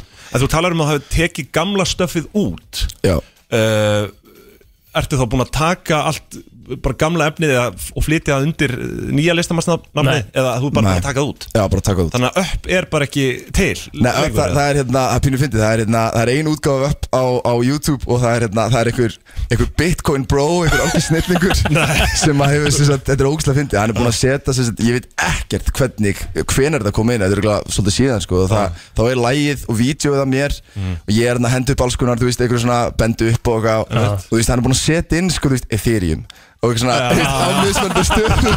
Já, þetta er er ógæslega Cardano og eitthvað svona, þetta er mjög gott. sko. Þetta er fyndi sko. Ég, ég var alveg, ég sá þetta og ég var svona, fuck maður, af hverju er þetta ekki bara 100 miljón views? Þannig að það er ekki hægt að finna það lag í rauninni bara á Neins MP, staðar. MP3 formi. Jú, það, það er einungi sagt inn á útastöðum Já, já, já, já. Ég er með lægið hérna fyrir fram Ég, skil, já, ég, get, ég gæti spila það En þú veist, það er En svo- þreyttur En svo til á dæmis því með- gerir maður það ekki Bara út af því að það er, þú veist, ástæða fyrir því að vildi taka það út sko. Ég veit Já. En ertu orðin þreyttur á því? um, Sko, ég veit, sko, ég, eftir því sem maður svona verður eldri þá er maður einhvern veginn bara meira og meira sama veist, þetta- Ég var kannski orðin þreyttur á því fyrir einhverjum árum sko, en, en Æ, ég veit ekki, mér, mér, er eiginlega bara eins og ég segi, bara pínu saman sko. Já, En þetta, þetta snýst vantilega bara í, um, þú veist, í grunninn um það eins og þú segir að koma bara tóm striga og geta gert eitthvað Einmitt. nýtt án þess að sé einhver ver- verið rosalega mikið að pæli í hvað þú hefur gert áður. Já, það er, það er bara nákvæmlega það. Það er bara nákvæmlega það. Og þú veist, ég sé alltaf fyrir mig, þú veist, eins og bara með þetta projekt sko, við erum bara rétt að byrja, þú veist, mér lífum svo það sé bara þetta er bara nýbyrjað, Já. þetta er bara nýr ferill í rauninni og hérna og ég sé alveg fyrir mér að við getum tekið þetta út og hérna, og þú veist, það er gott heim í kringum þetta og hérna, fyrir mér er þetta bara tímaspörsmál þannig til að eitthvað gerist og það er að fara með þetta út og, og hérna, og taka þetta, taka þetta lengra sko. Hvað er planið uh, núna, hvað, hvað er svona, hérna, hvað er framöndan hjá Grey Skies? Sko, um, núna er alveg bara allur tíminn minn að fara í Airwaves prep Mhm. Það er Airwaves, hérna, ég er að spila 4. november, mm Mhm. fyrstu daginn 4. november á Húrra Ég er þetta líka að spila á listasafninu í einhverju, einhverju, hérna, einhverju svona lokuðu partí fyrir. En hérna, uh, og ég verða þarna með Danna félag mínum, Daniel Hrapp, trommari. Já. og við erum búin að æfa síðustu vikur bara stíft, ég hef aldrei æft svona ógeðslega vel fyrir gig og hérna við erum búin að setja einn ljósamann í, í hérna í verkefnið bara mjög snemma og búin að tala um hljóðmanni snemma líka því við viljum gera þetta ógeðslega vel og hérna þannig að það er eiginlega bara allir tíminn núna að þeir fara í Airways brent Gæðvett Herru, við ætlum að spila uh, lagið uh, Deja Vu. Þetta er lag sem er að fara að koma út hvað, á minnati kvöld, ekki? Jú. Þannig að við erum í frumflutningi akkurat núna. Yes sir. Elska það Þetta er glænýtt með Grey Skies og eitthvað sem vilt segja svona sérstætt um, um lagið eða? Um, nei, ekki sem bara sjáta á Þormóð sem að samti og próduseraði lagi með mér. Og hérna, hann er hann er eina af þessum geitum í þessum brasa Þannig að fáum Þormóðs uh, bítið, uh, hérna bassan hans Þormóðs inn í, inn í, inn í Grey Skies, ég elska það. Uh, Kíkjum á þetta, uh, takk fyrir komuna og gangið sem allra best. Thank you. Það er nefnilega, það er brennslan uh, á fymtu degi og uh, gestgangurinn heldur áfram og okkar besti Krissi Haff er mættur í stúdíu velkomin. Oh, Mikið gott að vera komin í Hjartanlega velkomin. Já, Takk fyrir, velkomin. takk fyrir strákut Mikið er gaman að sjá ykkur nesverjana hérna. Það er nesið Representa. Já, það er svolítið 170 takeover. Já, já, já. En sko Krissi, þú ert ekki hérna núna uh, til þess að fara kannski endilega yfir í peppvikunar við getum alveg svona Við tekum það smá. tök- tökum svona aðeins inn í sko, en það, það, því það eru stóri hlutir í dag risa stór dagur fyrir Krissa Haff í dag Já, ég hérna, nú er loksins að er maður loksins að uppskera því sem maður er búin að vinna svolítið lengi Já. bara, rauninni bara síðan að ég, ég byrjaði hérna á sín Já, Núna er að í dag kl. 12 kemur út barnaefni sem ég sérst, skrifaði sögu og, Mhm. og, og, og, og, og með handriti af mm sem heitir Kvítatá og hvaðan kemur það? Af hverju kvítatá og af hverju byrjar þú að skrifa barnaefni? Ég er náttúrulega sko, ég er með 34 ára heima Mhm. og maður bara, bara lifir og þrýst í þessu á hverjum einasta degi Mhm. Þannig ég ákvað bara, herðu, og ég, maður er alltaf að segja sögur, þú veist, hérna stelpa mín á þeim aldrei og náttúrulega strákurinn orðin það núna að þau eru svona vilja að ferja sögur og finnst svo gaman og eru með frjótt ímyndunarafl og eru svo skapandi og svona Mhm. og ég var alltaf að segja einhverja sögu og, og hérna byrja að tala um svo önd og ég spurði hann, herru, hvað öndinu heita? Mm. Hvítatá, bara um leið, stelpan. Já. Það er ekkert, ekkert hik, það er þetta fallega barnslega ímyndunarafl. Sem er svo fallegt. Og ég hugsa, hún heitir bara Hvítatá Já, Já, auðvitað. ok Svo smá svona indjána stemming, svona, þú veist, eitthvað litla löpp eitthvað svona, þú veist. Mér finnst þetta rosalega skemmtilegt út af því að sko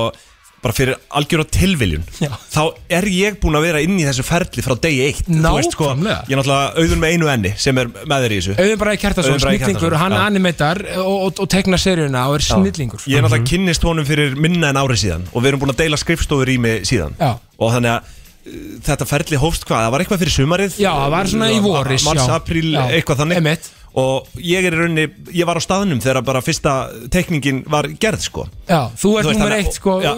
viewer number one Já, í, í, raun- í, í raun sko, Já. já. Já, Þannig að ég er búin að sjá þessa vöru bara verða til, Já. bara fyrir framann fyrir framann nefið á Já. og hérna uh, já, og það er í rauninni einhverjum fleiri blöðum með það að fletta, það er bara, bara gaman að hafa fengið að fylgjast með þessu sko Einmitt, og, og þannig að og þú náttúrulega veist, og eins og þú veist og, enna, og þetta er svona fyrir 2-4 ára Mhm. það er markkópurinn og rauðið þráðurinn er hugrekki Mhm. hamingja, gleði uh, ástríða og svona og ímyndunarafl. Það er það sem að sko batnaefnin þarf alltaf að hafa þennan bóðskap og þannig að, það, þannig að bóðskapurinn í þessu er allt sem á að telja upp í Þetta Já, svona, og einmitt, og rauðið þráðurinn svona, að sem ég svona tala mest um er þetta hugrekki og svona, og því að þetta er svona eins og þættinir eru, þú veist, læknis, heimsókn afmæli, þú veist, fara bókasafni fara í sumafrí með fjölskyldunni og, og svo er hérna am og afi, það eru fyrstu fimm þættinir koma fimm þættir í dag og þú veist, og þetta er svona allt svona á- aðstæður sem börn finna sig í. Þið veitir, þeir eru aðeins farin að skilja og svona. Algjörlega. Og þannig að þetta er svona og, og, og, og, og svona, þetta er bara svona einmitt, allt sem dóttur mín hefur verið að upplifa. Já. og, og mér langaði bara svona til að hérna, já, bara skrifa eitthvað sem er svona einmitt, snýst um hugrekki og, og að me, líka með að segja nei þú veist, Mhm. eins, og, eins og eitt áttur sem ég skrifaði er um ballett. Mhm. þá, þá var stelpa mín að fara ballett og var svolítið feimin Ég sá þann þátt Já, einmitt, þú sást þann já, þátti já, mitt já, já. Einmitt, og, og, og þá svona, þú veist, að má segja nei það má líka bara kýla á það Mhm. Þú veist, og, og ef, ef maður segja nei, þá bara fyrir maður bara næst eða eitthvað Já. Þannig að þetta er svona, já, hugrekkis pæling, sko Sko, en, en, sko, fannst þér vanta íslensk badnaefni? Fannst þér það vera gat í markanum fyrir það? Eða? Mér fannst það svo sannarlega því að þú veist, það er oft svona og menn, ég er að líka gera, hef alveg oft hendi það bara að taka YouTube eða eitthvað Mhm. svona erlend, skilur bara þegar það á við og það er gott að blessa að vera með erlend barnaefni en, en mér, finn, mér fannst svolítið vanta í framlistinu þetta heima, Já. sérstaklega bara að framleiða íslensk barnaefni, Já. það er margt talsett sem er frábært En- Ég, ég hef verið mikill talsmaður uh, þessarar hugmyndar að auka framleyslu á íslensku batnaðefni því að ég er náttúrulega uh, ma maður íslenskrar tungu Já. og þetta er náttúrulega sko eiginlega við förum aðeins aftur í tíman Já. 2018 þegar við vorum saman í áttunni Mhm. þá var þetta eitt fundabóð sem ég laði til Einmitt. Já, var að, það? að skýra áttan börn sagt vera með channel sko það sem við færum í þessa framleyslu sko því miður var það aldrei að veruleika en ég, ég En, en það voru þó nokkrir fundir teknir með það eh, Já, í- þó nokkri í fundir teknir og, og, Já. og margir líka sem höfðu áhuga á að sko, Vera með. með einhvern veginn í því sko, í Já. sköpunum, en því miður þá var það aldrei að veruleika en Einmitt. ég hef verið mikill áhuga maður um þetta uh, og alls konar pælingar í kringum, kringum svona og Algjörlega. núna finnst mér einmitt indislegt að sjá að þú og Auðun hafi náð þarna saman og eru að skapa þetta Algjörlega, Og- takk fyrir það og eins og ég segi, þú veist, það verður bara að vera þú veist, það líka bara svo holdt og, og, og líka einmitt eins og eigilslega með bóðskap, það er svo mikilvægt mm Mhm. veist, líka hann að þetta sé ekki kannski einhver algjör endilega bara svona eitthvað svona, svona fróða eða þú veist, Mhm, mhm. hafa smá svona einmitt, svona smá rauðan þráð og smá, smá gleði og hammingi og svona velíðra tilfinningu, þið vitið bara, bara, þetta þetta er í rauninni bara skóli á góðan hátt sko. Eða, pælir í þetta Já. er í rauninni bara á bara að vera ákveðin lærdominu því að börnun okkar eru og það er að færist mikið aukana að það sé verið að nota náttúrulega bara endalist iPadum og þú veist Já. skjánótkunir er náttúrulega tölvert meiri nokkuð tíma núna heldur en hefur verið sko. Einmitt. en þá er rosalega nöðslegt að því að aðgengið er svo opið og það er búið að tala lengi um það með YouTube og, og, hérna, og al, þú, þú veist aldrei nákvæmlega hvað börnin er að horfa á sko. Nei, em- einmitt. og, og, og, þú veist, og sérstaklega að það komin yfir einhvern ákveðin aldur þú veist, Mm. þeir eru bara að byrja að vera, þeir eru ótrúlega þú veist, ég er bara á fjagra ára hérna, frænda sem er bara á iPadnum og hann er bara rosalegur á honum Já, hann er bara gert allt þau eru snillingar, þau eru betri við þetta er bara sko. ótrúlegt sko. Þannig að hérna, þess vegna er svo mikilvægt líka að við séum með svona inn á svona frekar venduðu umhverfi sem að náttúrulega bara inn á, þetta er inn á stötu pluss eða Já, ekki? jú, einmitt, jú. Og, hérna, og þa þá vitum við nákvæmlega hvað barnið er að horfa á með einhverjum ákveðnum báðskap, með einhverjum ákveðnum lærdómi. Og, og, og sko ég ætla að koma aftur með hennar punkt sem ég ætla að hvetja fóreldrar til að gera því að mér finnst að ég ætla að reyna að tilenga mér það sem fóreldri að þegar barnið mitt er að horfa á eitthvað eða við erum að lesa eitthvað fara þá kannski líka að taka smá tíma bara eftir maður er búin að horfa á eitthvað eitt þátt ekki Já. bara, heyri, let's go í næsta. Auðvitað komum baðstöður þar sem að það er bara svona, heyri, Já, já. ég þarf að elda og þú bara heldur að fara að horfa. Já, rúlla get bara, that, sko. en, en svona reyna að taka típuna að, hérna, heyri, förum aðeins yfir, hvað voru að, hvað voru að horfa? Nákvæmlega. hvað lærðum við, hvað lærðum við í þessu þeirri, hvað var að gerast þeirra þetta átti sér stað? Vákvæmt er rétt, að það fyrir ekki að hugsa ykkur hvað barnaefni er hugsa ykkur þetta er í er sko. Er Já, og það þarf alveg að hafa góða vitund um hvað barnum maður sér að horfa það á. er eiginlega bara styrlað ef ég fer bara aftur í tíman Já. og hugsa bara um allar mynd, þessar Disney myndir og eitthvað þetta er, þú veist, þó ég hef ekki hort á þetta í 20 ár, ég man samt ennþá bara atriðin atriðin og allt skilur og, Já, ég meina- og, þú veist, og það enginn að segja mér annað nema að þetta hafi áhrif á lífið til frambúðar sko, 100%. hvað þú horfir á sem badd sko. Ég meina Lion King, þetta er bara, þetta er bara mest að snill sem er Úf, heyrðu, ég horfði á erfiðasta TikTok-vídeó ég var lífs reyndar- míns á dögun Já. Það var lítil stelpa að horfa á atriðið í fyrsta skipti. Þar sem að hérna, Mufasa- Mufasa er að, og, þetta að sjá bara hjartað á litlu stelpunni gjörsamlega brottra sko. Já, já. Þetta er- atriði sýtur alveg í manni frá því í veist, það er ákveðin bóðskapur í þessu líka það, það er nefnilega máli sko, og þetta er, þetta er ekkit, þetta er ekkit ljótt það þarf að læra þetta Þetta eru veist, tilfinningar sem það er að læra inn á líka. Ég var alltaf mest fyrir Tarsan Já, Ég sko horfði á hana ég, Spólan Það er þannig sko. Þú spólaði það oft tilbaka sko, Máli er að tónlistin Phil Collins Þetta er einhver besta bara, þú veist, Disney tónlist sem við erum my gerð heart. sko. Já, You'll Be in my Vá, heart það þurfti að spila það eftir, þessi sko. lög sko. Og hérna, ég var náttúrulega uh, ég, Sko, það var Stefán Hilmar sem að hérna, Tók þetta á íslensku Tók þetta á íslensku Alveg sko. Alveg bara Guldsí gildi þessi lög sko. Já, En uh. Lion King, jú vissulega og allar þessar myndir bara eins og ég sé, ég, það er enginn að segja mér annað nema að þetta hafi Já, með einhvern part í múlan mótun- maður Múl, Múlan, ég, já. ég var ekki þar Ég náði múla Já, ég var ekki, ég var ekki Já, þar ég var tóistöri líka svolítið Já, já, tó- ég horfði meira á Toy Story 2 en Toy Story 1 sko. Já, það já, er mjög já, skrítið en, en mér, mér fannst hún góð sko. Er ekki að sagt að nummer Ég- 2 sé oft svona eh, besta stöfið? Lag nummer 2 á Já, blöðum? það er sko, Lord of the Rings Two Towers er alltaf mín upp á sko. Já, já, já. Þannig að, þú Það veist, er númer tvö. rosa Það er bara út af lokabartanum, hann er bara öðru level Já, já, þú veist, já, í þrjú, mynd þrjú er náttúrulega svakalegu lokabartaði þannig en Já. það er bara eitthvað við tvö sem að heilla mig Ég, ég, sko, ég, ég atriði með tvö Sorry við séum aðeins að fara út Nei, í það er bara gaman. Það er bara þeir- þeir fara út á hestunum, út úr Helm's Deep, Já. skilur. Þetta er bara og þú heyrir í þeim að svona um þú heyrir í þeim svona vera banki í brynjutna sinni þegar þú gera sér tilbúna hérna orkarnir er að koma að Já, nefn skilur já, já, einmitt, einmitt. Þetta þetta er bara, þú veist, einmitt. Ég fæ bara gæsa að hlusta á þetta sko. Þurfum ekki að ræða það, Kvítatá er eins og að komin inn á stötu plus. Hún kemur í, há- eða, kemur í hátinn klukkan 12 eða ekki. Fyrstu fimm þettinir og hvað ætlið ykkur að gera mikið af efni? Sko ég er búin að skrifa 100 þetta Já, þetta er ekki Hanna, grín. uh, Nei. Þetta er ekki grín. Ég, ég fæ, Ég- sko málega, ég fæ þessar upplýsingar bara beint, Já, ég einmitt. set við hliðin á auðun í vinnunni 8 tíma á dag, skilur, þegar hann er á Íslandi. Akkurat, og, þannig ég, og ég veit hvað er í gangi.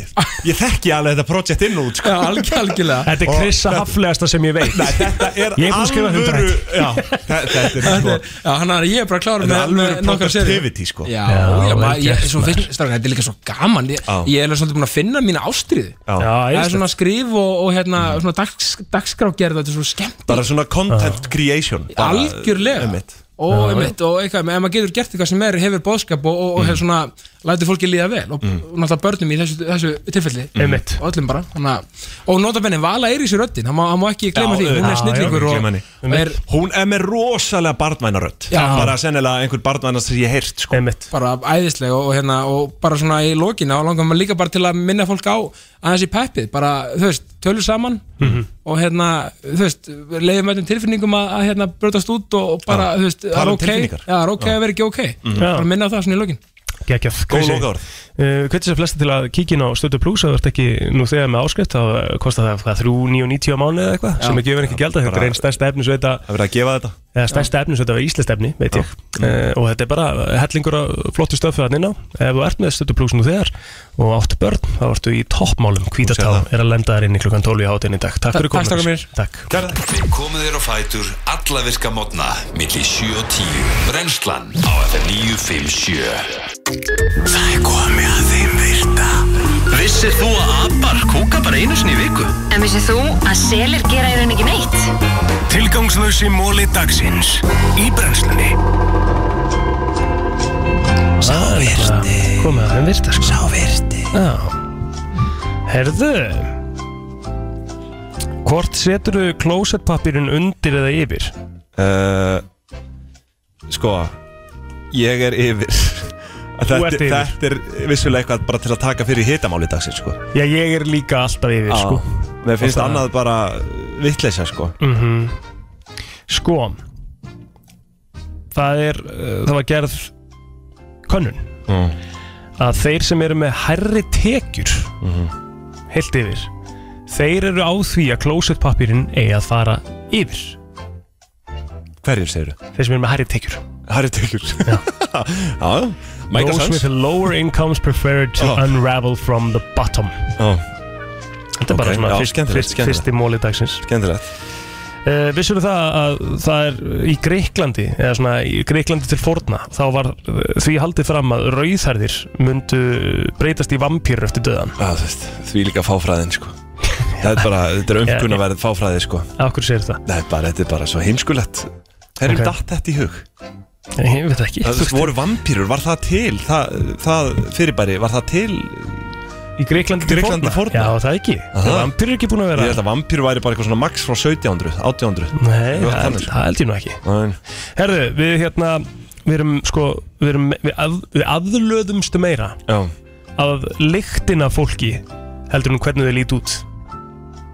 Það er scientific fact Stendur hérna We are more attracted to the way a person smells Than, uh, than uh, Ok. we are To the All- way they look. Já, ég, já, ok.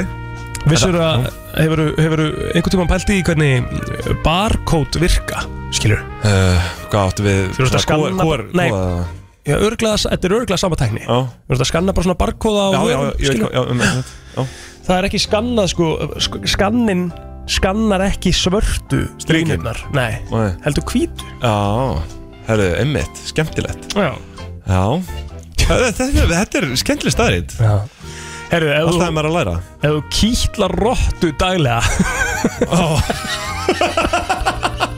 Ef það er þú veist, já. eitthvað Ef það er eitthvað sem þú gerir Ekki segja mér að hafa eitthvað benefit fyrir þig. Nei, þá byrja í rauninni rottan að hlæja í hver skipti sem það sér þig. Hvaða vitleysa er þetta? Ha? Já, ég, þú veist, ok. Þú veist, hann er róttur hlæja? Já, eða þú veist, það stendur, Eru hla- rottur með stendur húmor? hlæja innan sko, innan gæsalappa sko. Já. Þannig að ef að einhver er með rottu heima og byrjar að kýtla hana daglega þá hérna Já, aðteklisvert Þá er það eitthvað svona, uh, já, myndast eitthvað svona mm Mhm. Herðu, konur með herri greindavísistölu Já eiga sérst í meiri erfileikum með að finna maka. Já er, er, Á þetta bara við konur þá eða? Í, þetta stendur, í þessum móla stendur þetta um konur sko.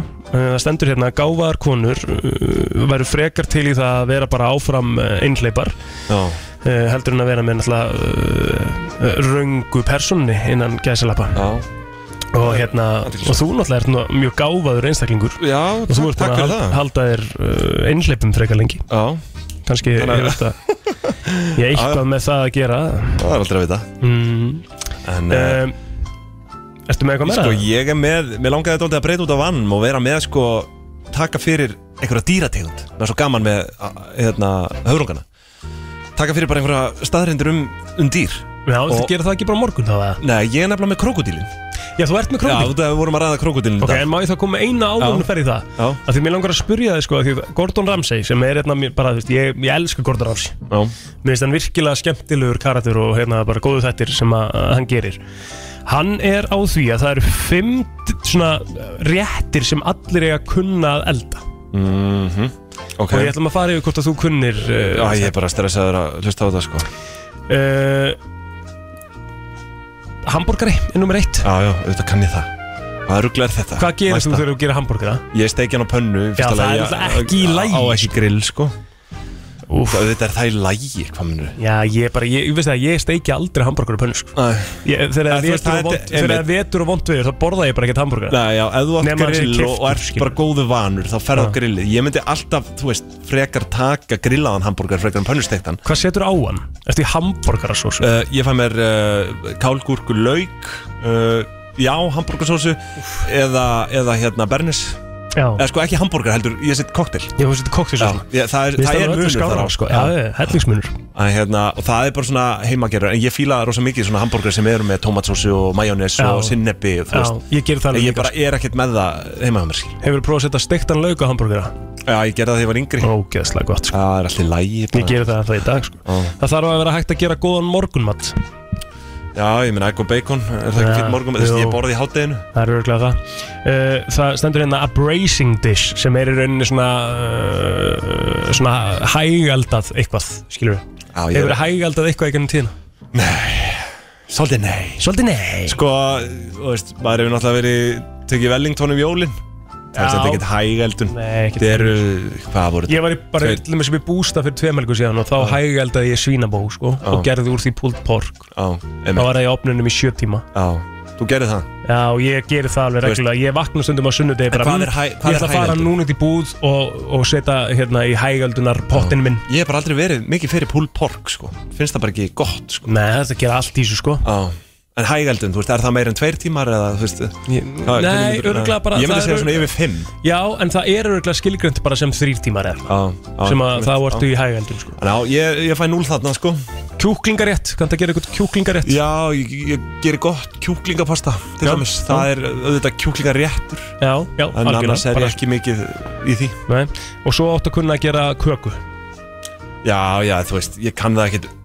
Ég geti ekki farið inn í eldús núna og verið án uppskriftar Ekki heldur En hérna, með Ekki. uppskrift Það er örgulega verið að tala um það Ekkert Þú átt mál. bara að geta bara gert köku Já, já, ég get gert það Förum yfir í krokodilin Já, þetta er fjórir af fimm, þetta er Já. allan Já, já. að skemmtilegt Já, já. Já, krokodil, já, þú veist, já, við skulum bara hafa það stutt hérna.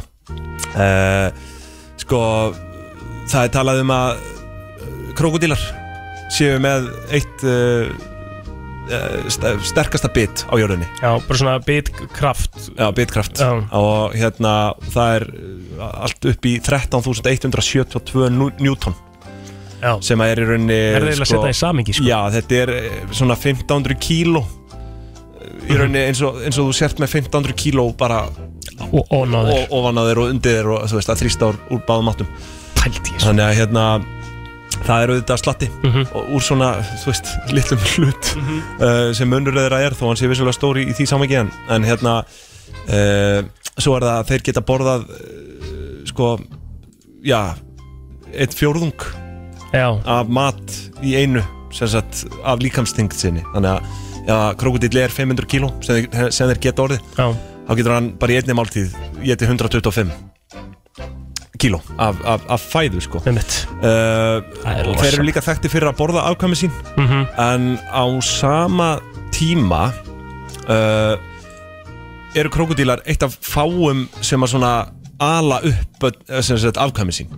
Það, það er það sem stendur hérna. Það, það, það er ekkit voðalega algengt í dýraríkinu að þú veist, þetta er svona care for þeir hérna bara Já, afkvæmi sín En, sko. en geta þau svo Já, en það, það, á sama tíma, þetta er svona, eh, þetta er ákveðin þversögn að það þessu, en, en, en þau hafa tilhneigu til að uh, borða afkvæmi sín. Mhm.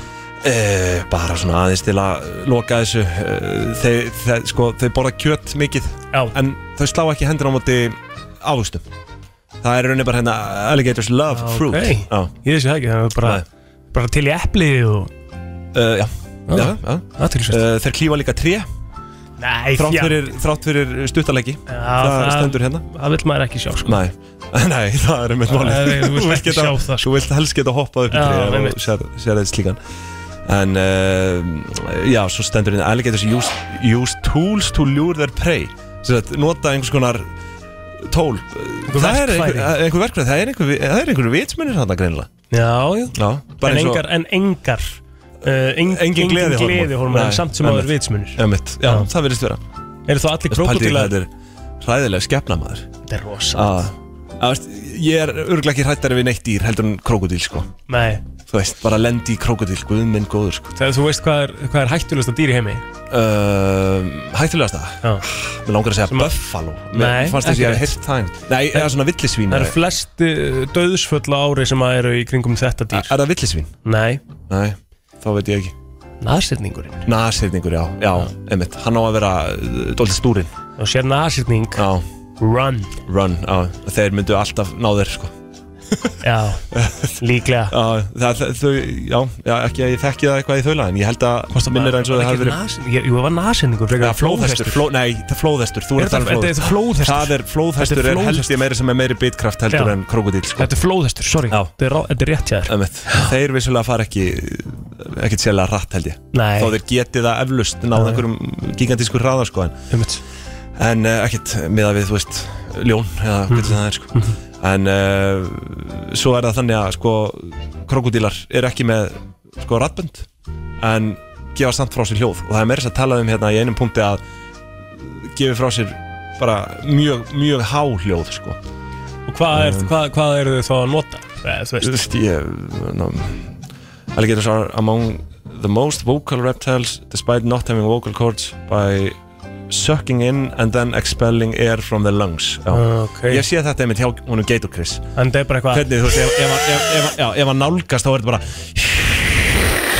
Þú veist, eitthvað svona sko. Úff, og hann er bara að anda út til að vera með meiri kraft bara á Já, meðan. eða bara að anda út bara svona drullaði burt, eitthvað svona Já, þetta er svona, þetta er svona hiss Já Þetta er bara basically eins og snákurinn Já, Þú veist, já, þetta, er, já. þetta kemur frá væntanlega, Þú veist, það er Það er reptile einhver dýr sem að ég ræðist Þetta er bara, Æ, Ég veit Eitthvað bara þannig. eðlan Einmitt Já, Risalnu, fyrir með grunninn Já Og ég bara En svo er hérna, sko, það, eins og hún talaði um að- að að- að krokodílar væru mögulega, sko, eða væru bara, hérna, risaðilur. Mhm. Það er talað um að þau hafi lifað hérna í 70 miljón ár, krokodílar. Já Uh, Og eða, sko, forfæðir, sko, hafi verið uppi fyrir 70 miljón ára. Og risalunar út döðar hvað fyrir 52 miljonum ára, sagði það ekki? Um, já, 56, 56, gott og ekki, já. já. Ekki að skipta öllu, en, en þetta er aðtiklisvert.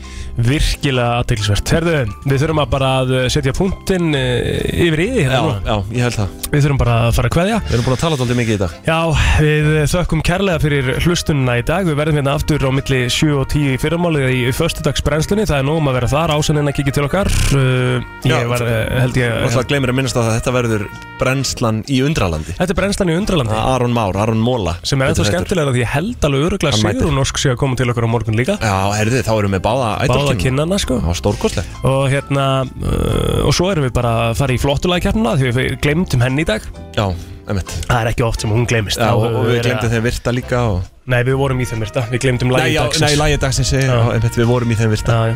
Þannig að þú veist, það er alveg stútfull uh, brennsla á morgun. Já. Við minnum á að þátturinn fer í heilsinni inn á vísi.is núna bara um leið og ég íti auglýsingunum á stað. Þá ætti hann að vera detta þar inn. Og svo sömuleiðis uh, inn á Spotify og aðra hlaðvarps, hlaðvarpsveitur án laga og auglýsinga. Takk fyrir að hlusta í dag og Arnar uh, Bara verið góð við hvort annað og takið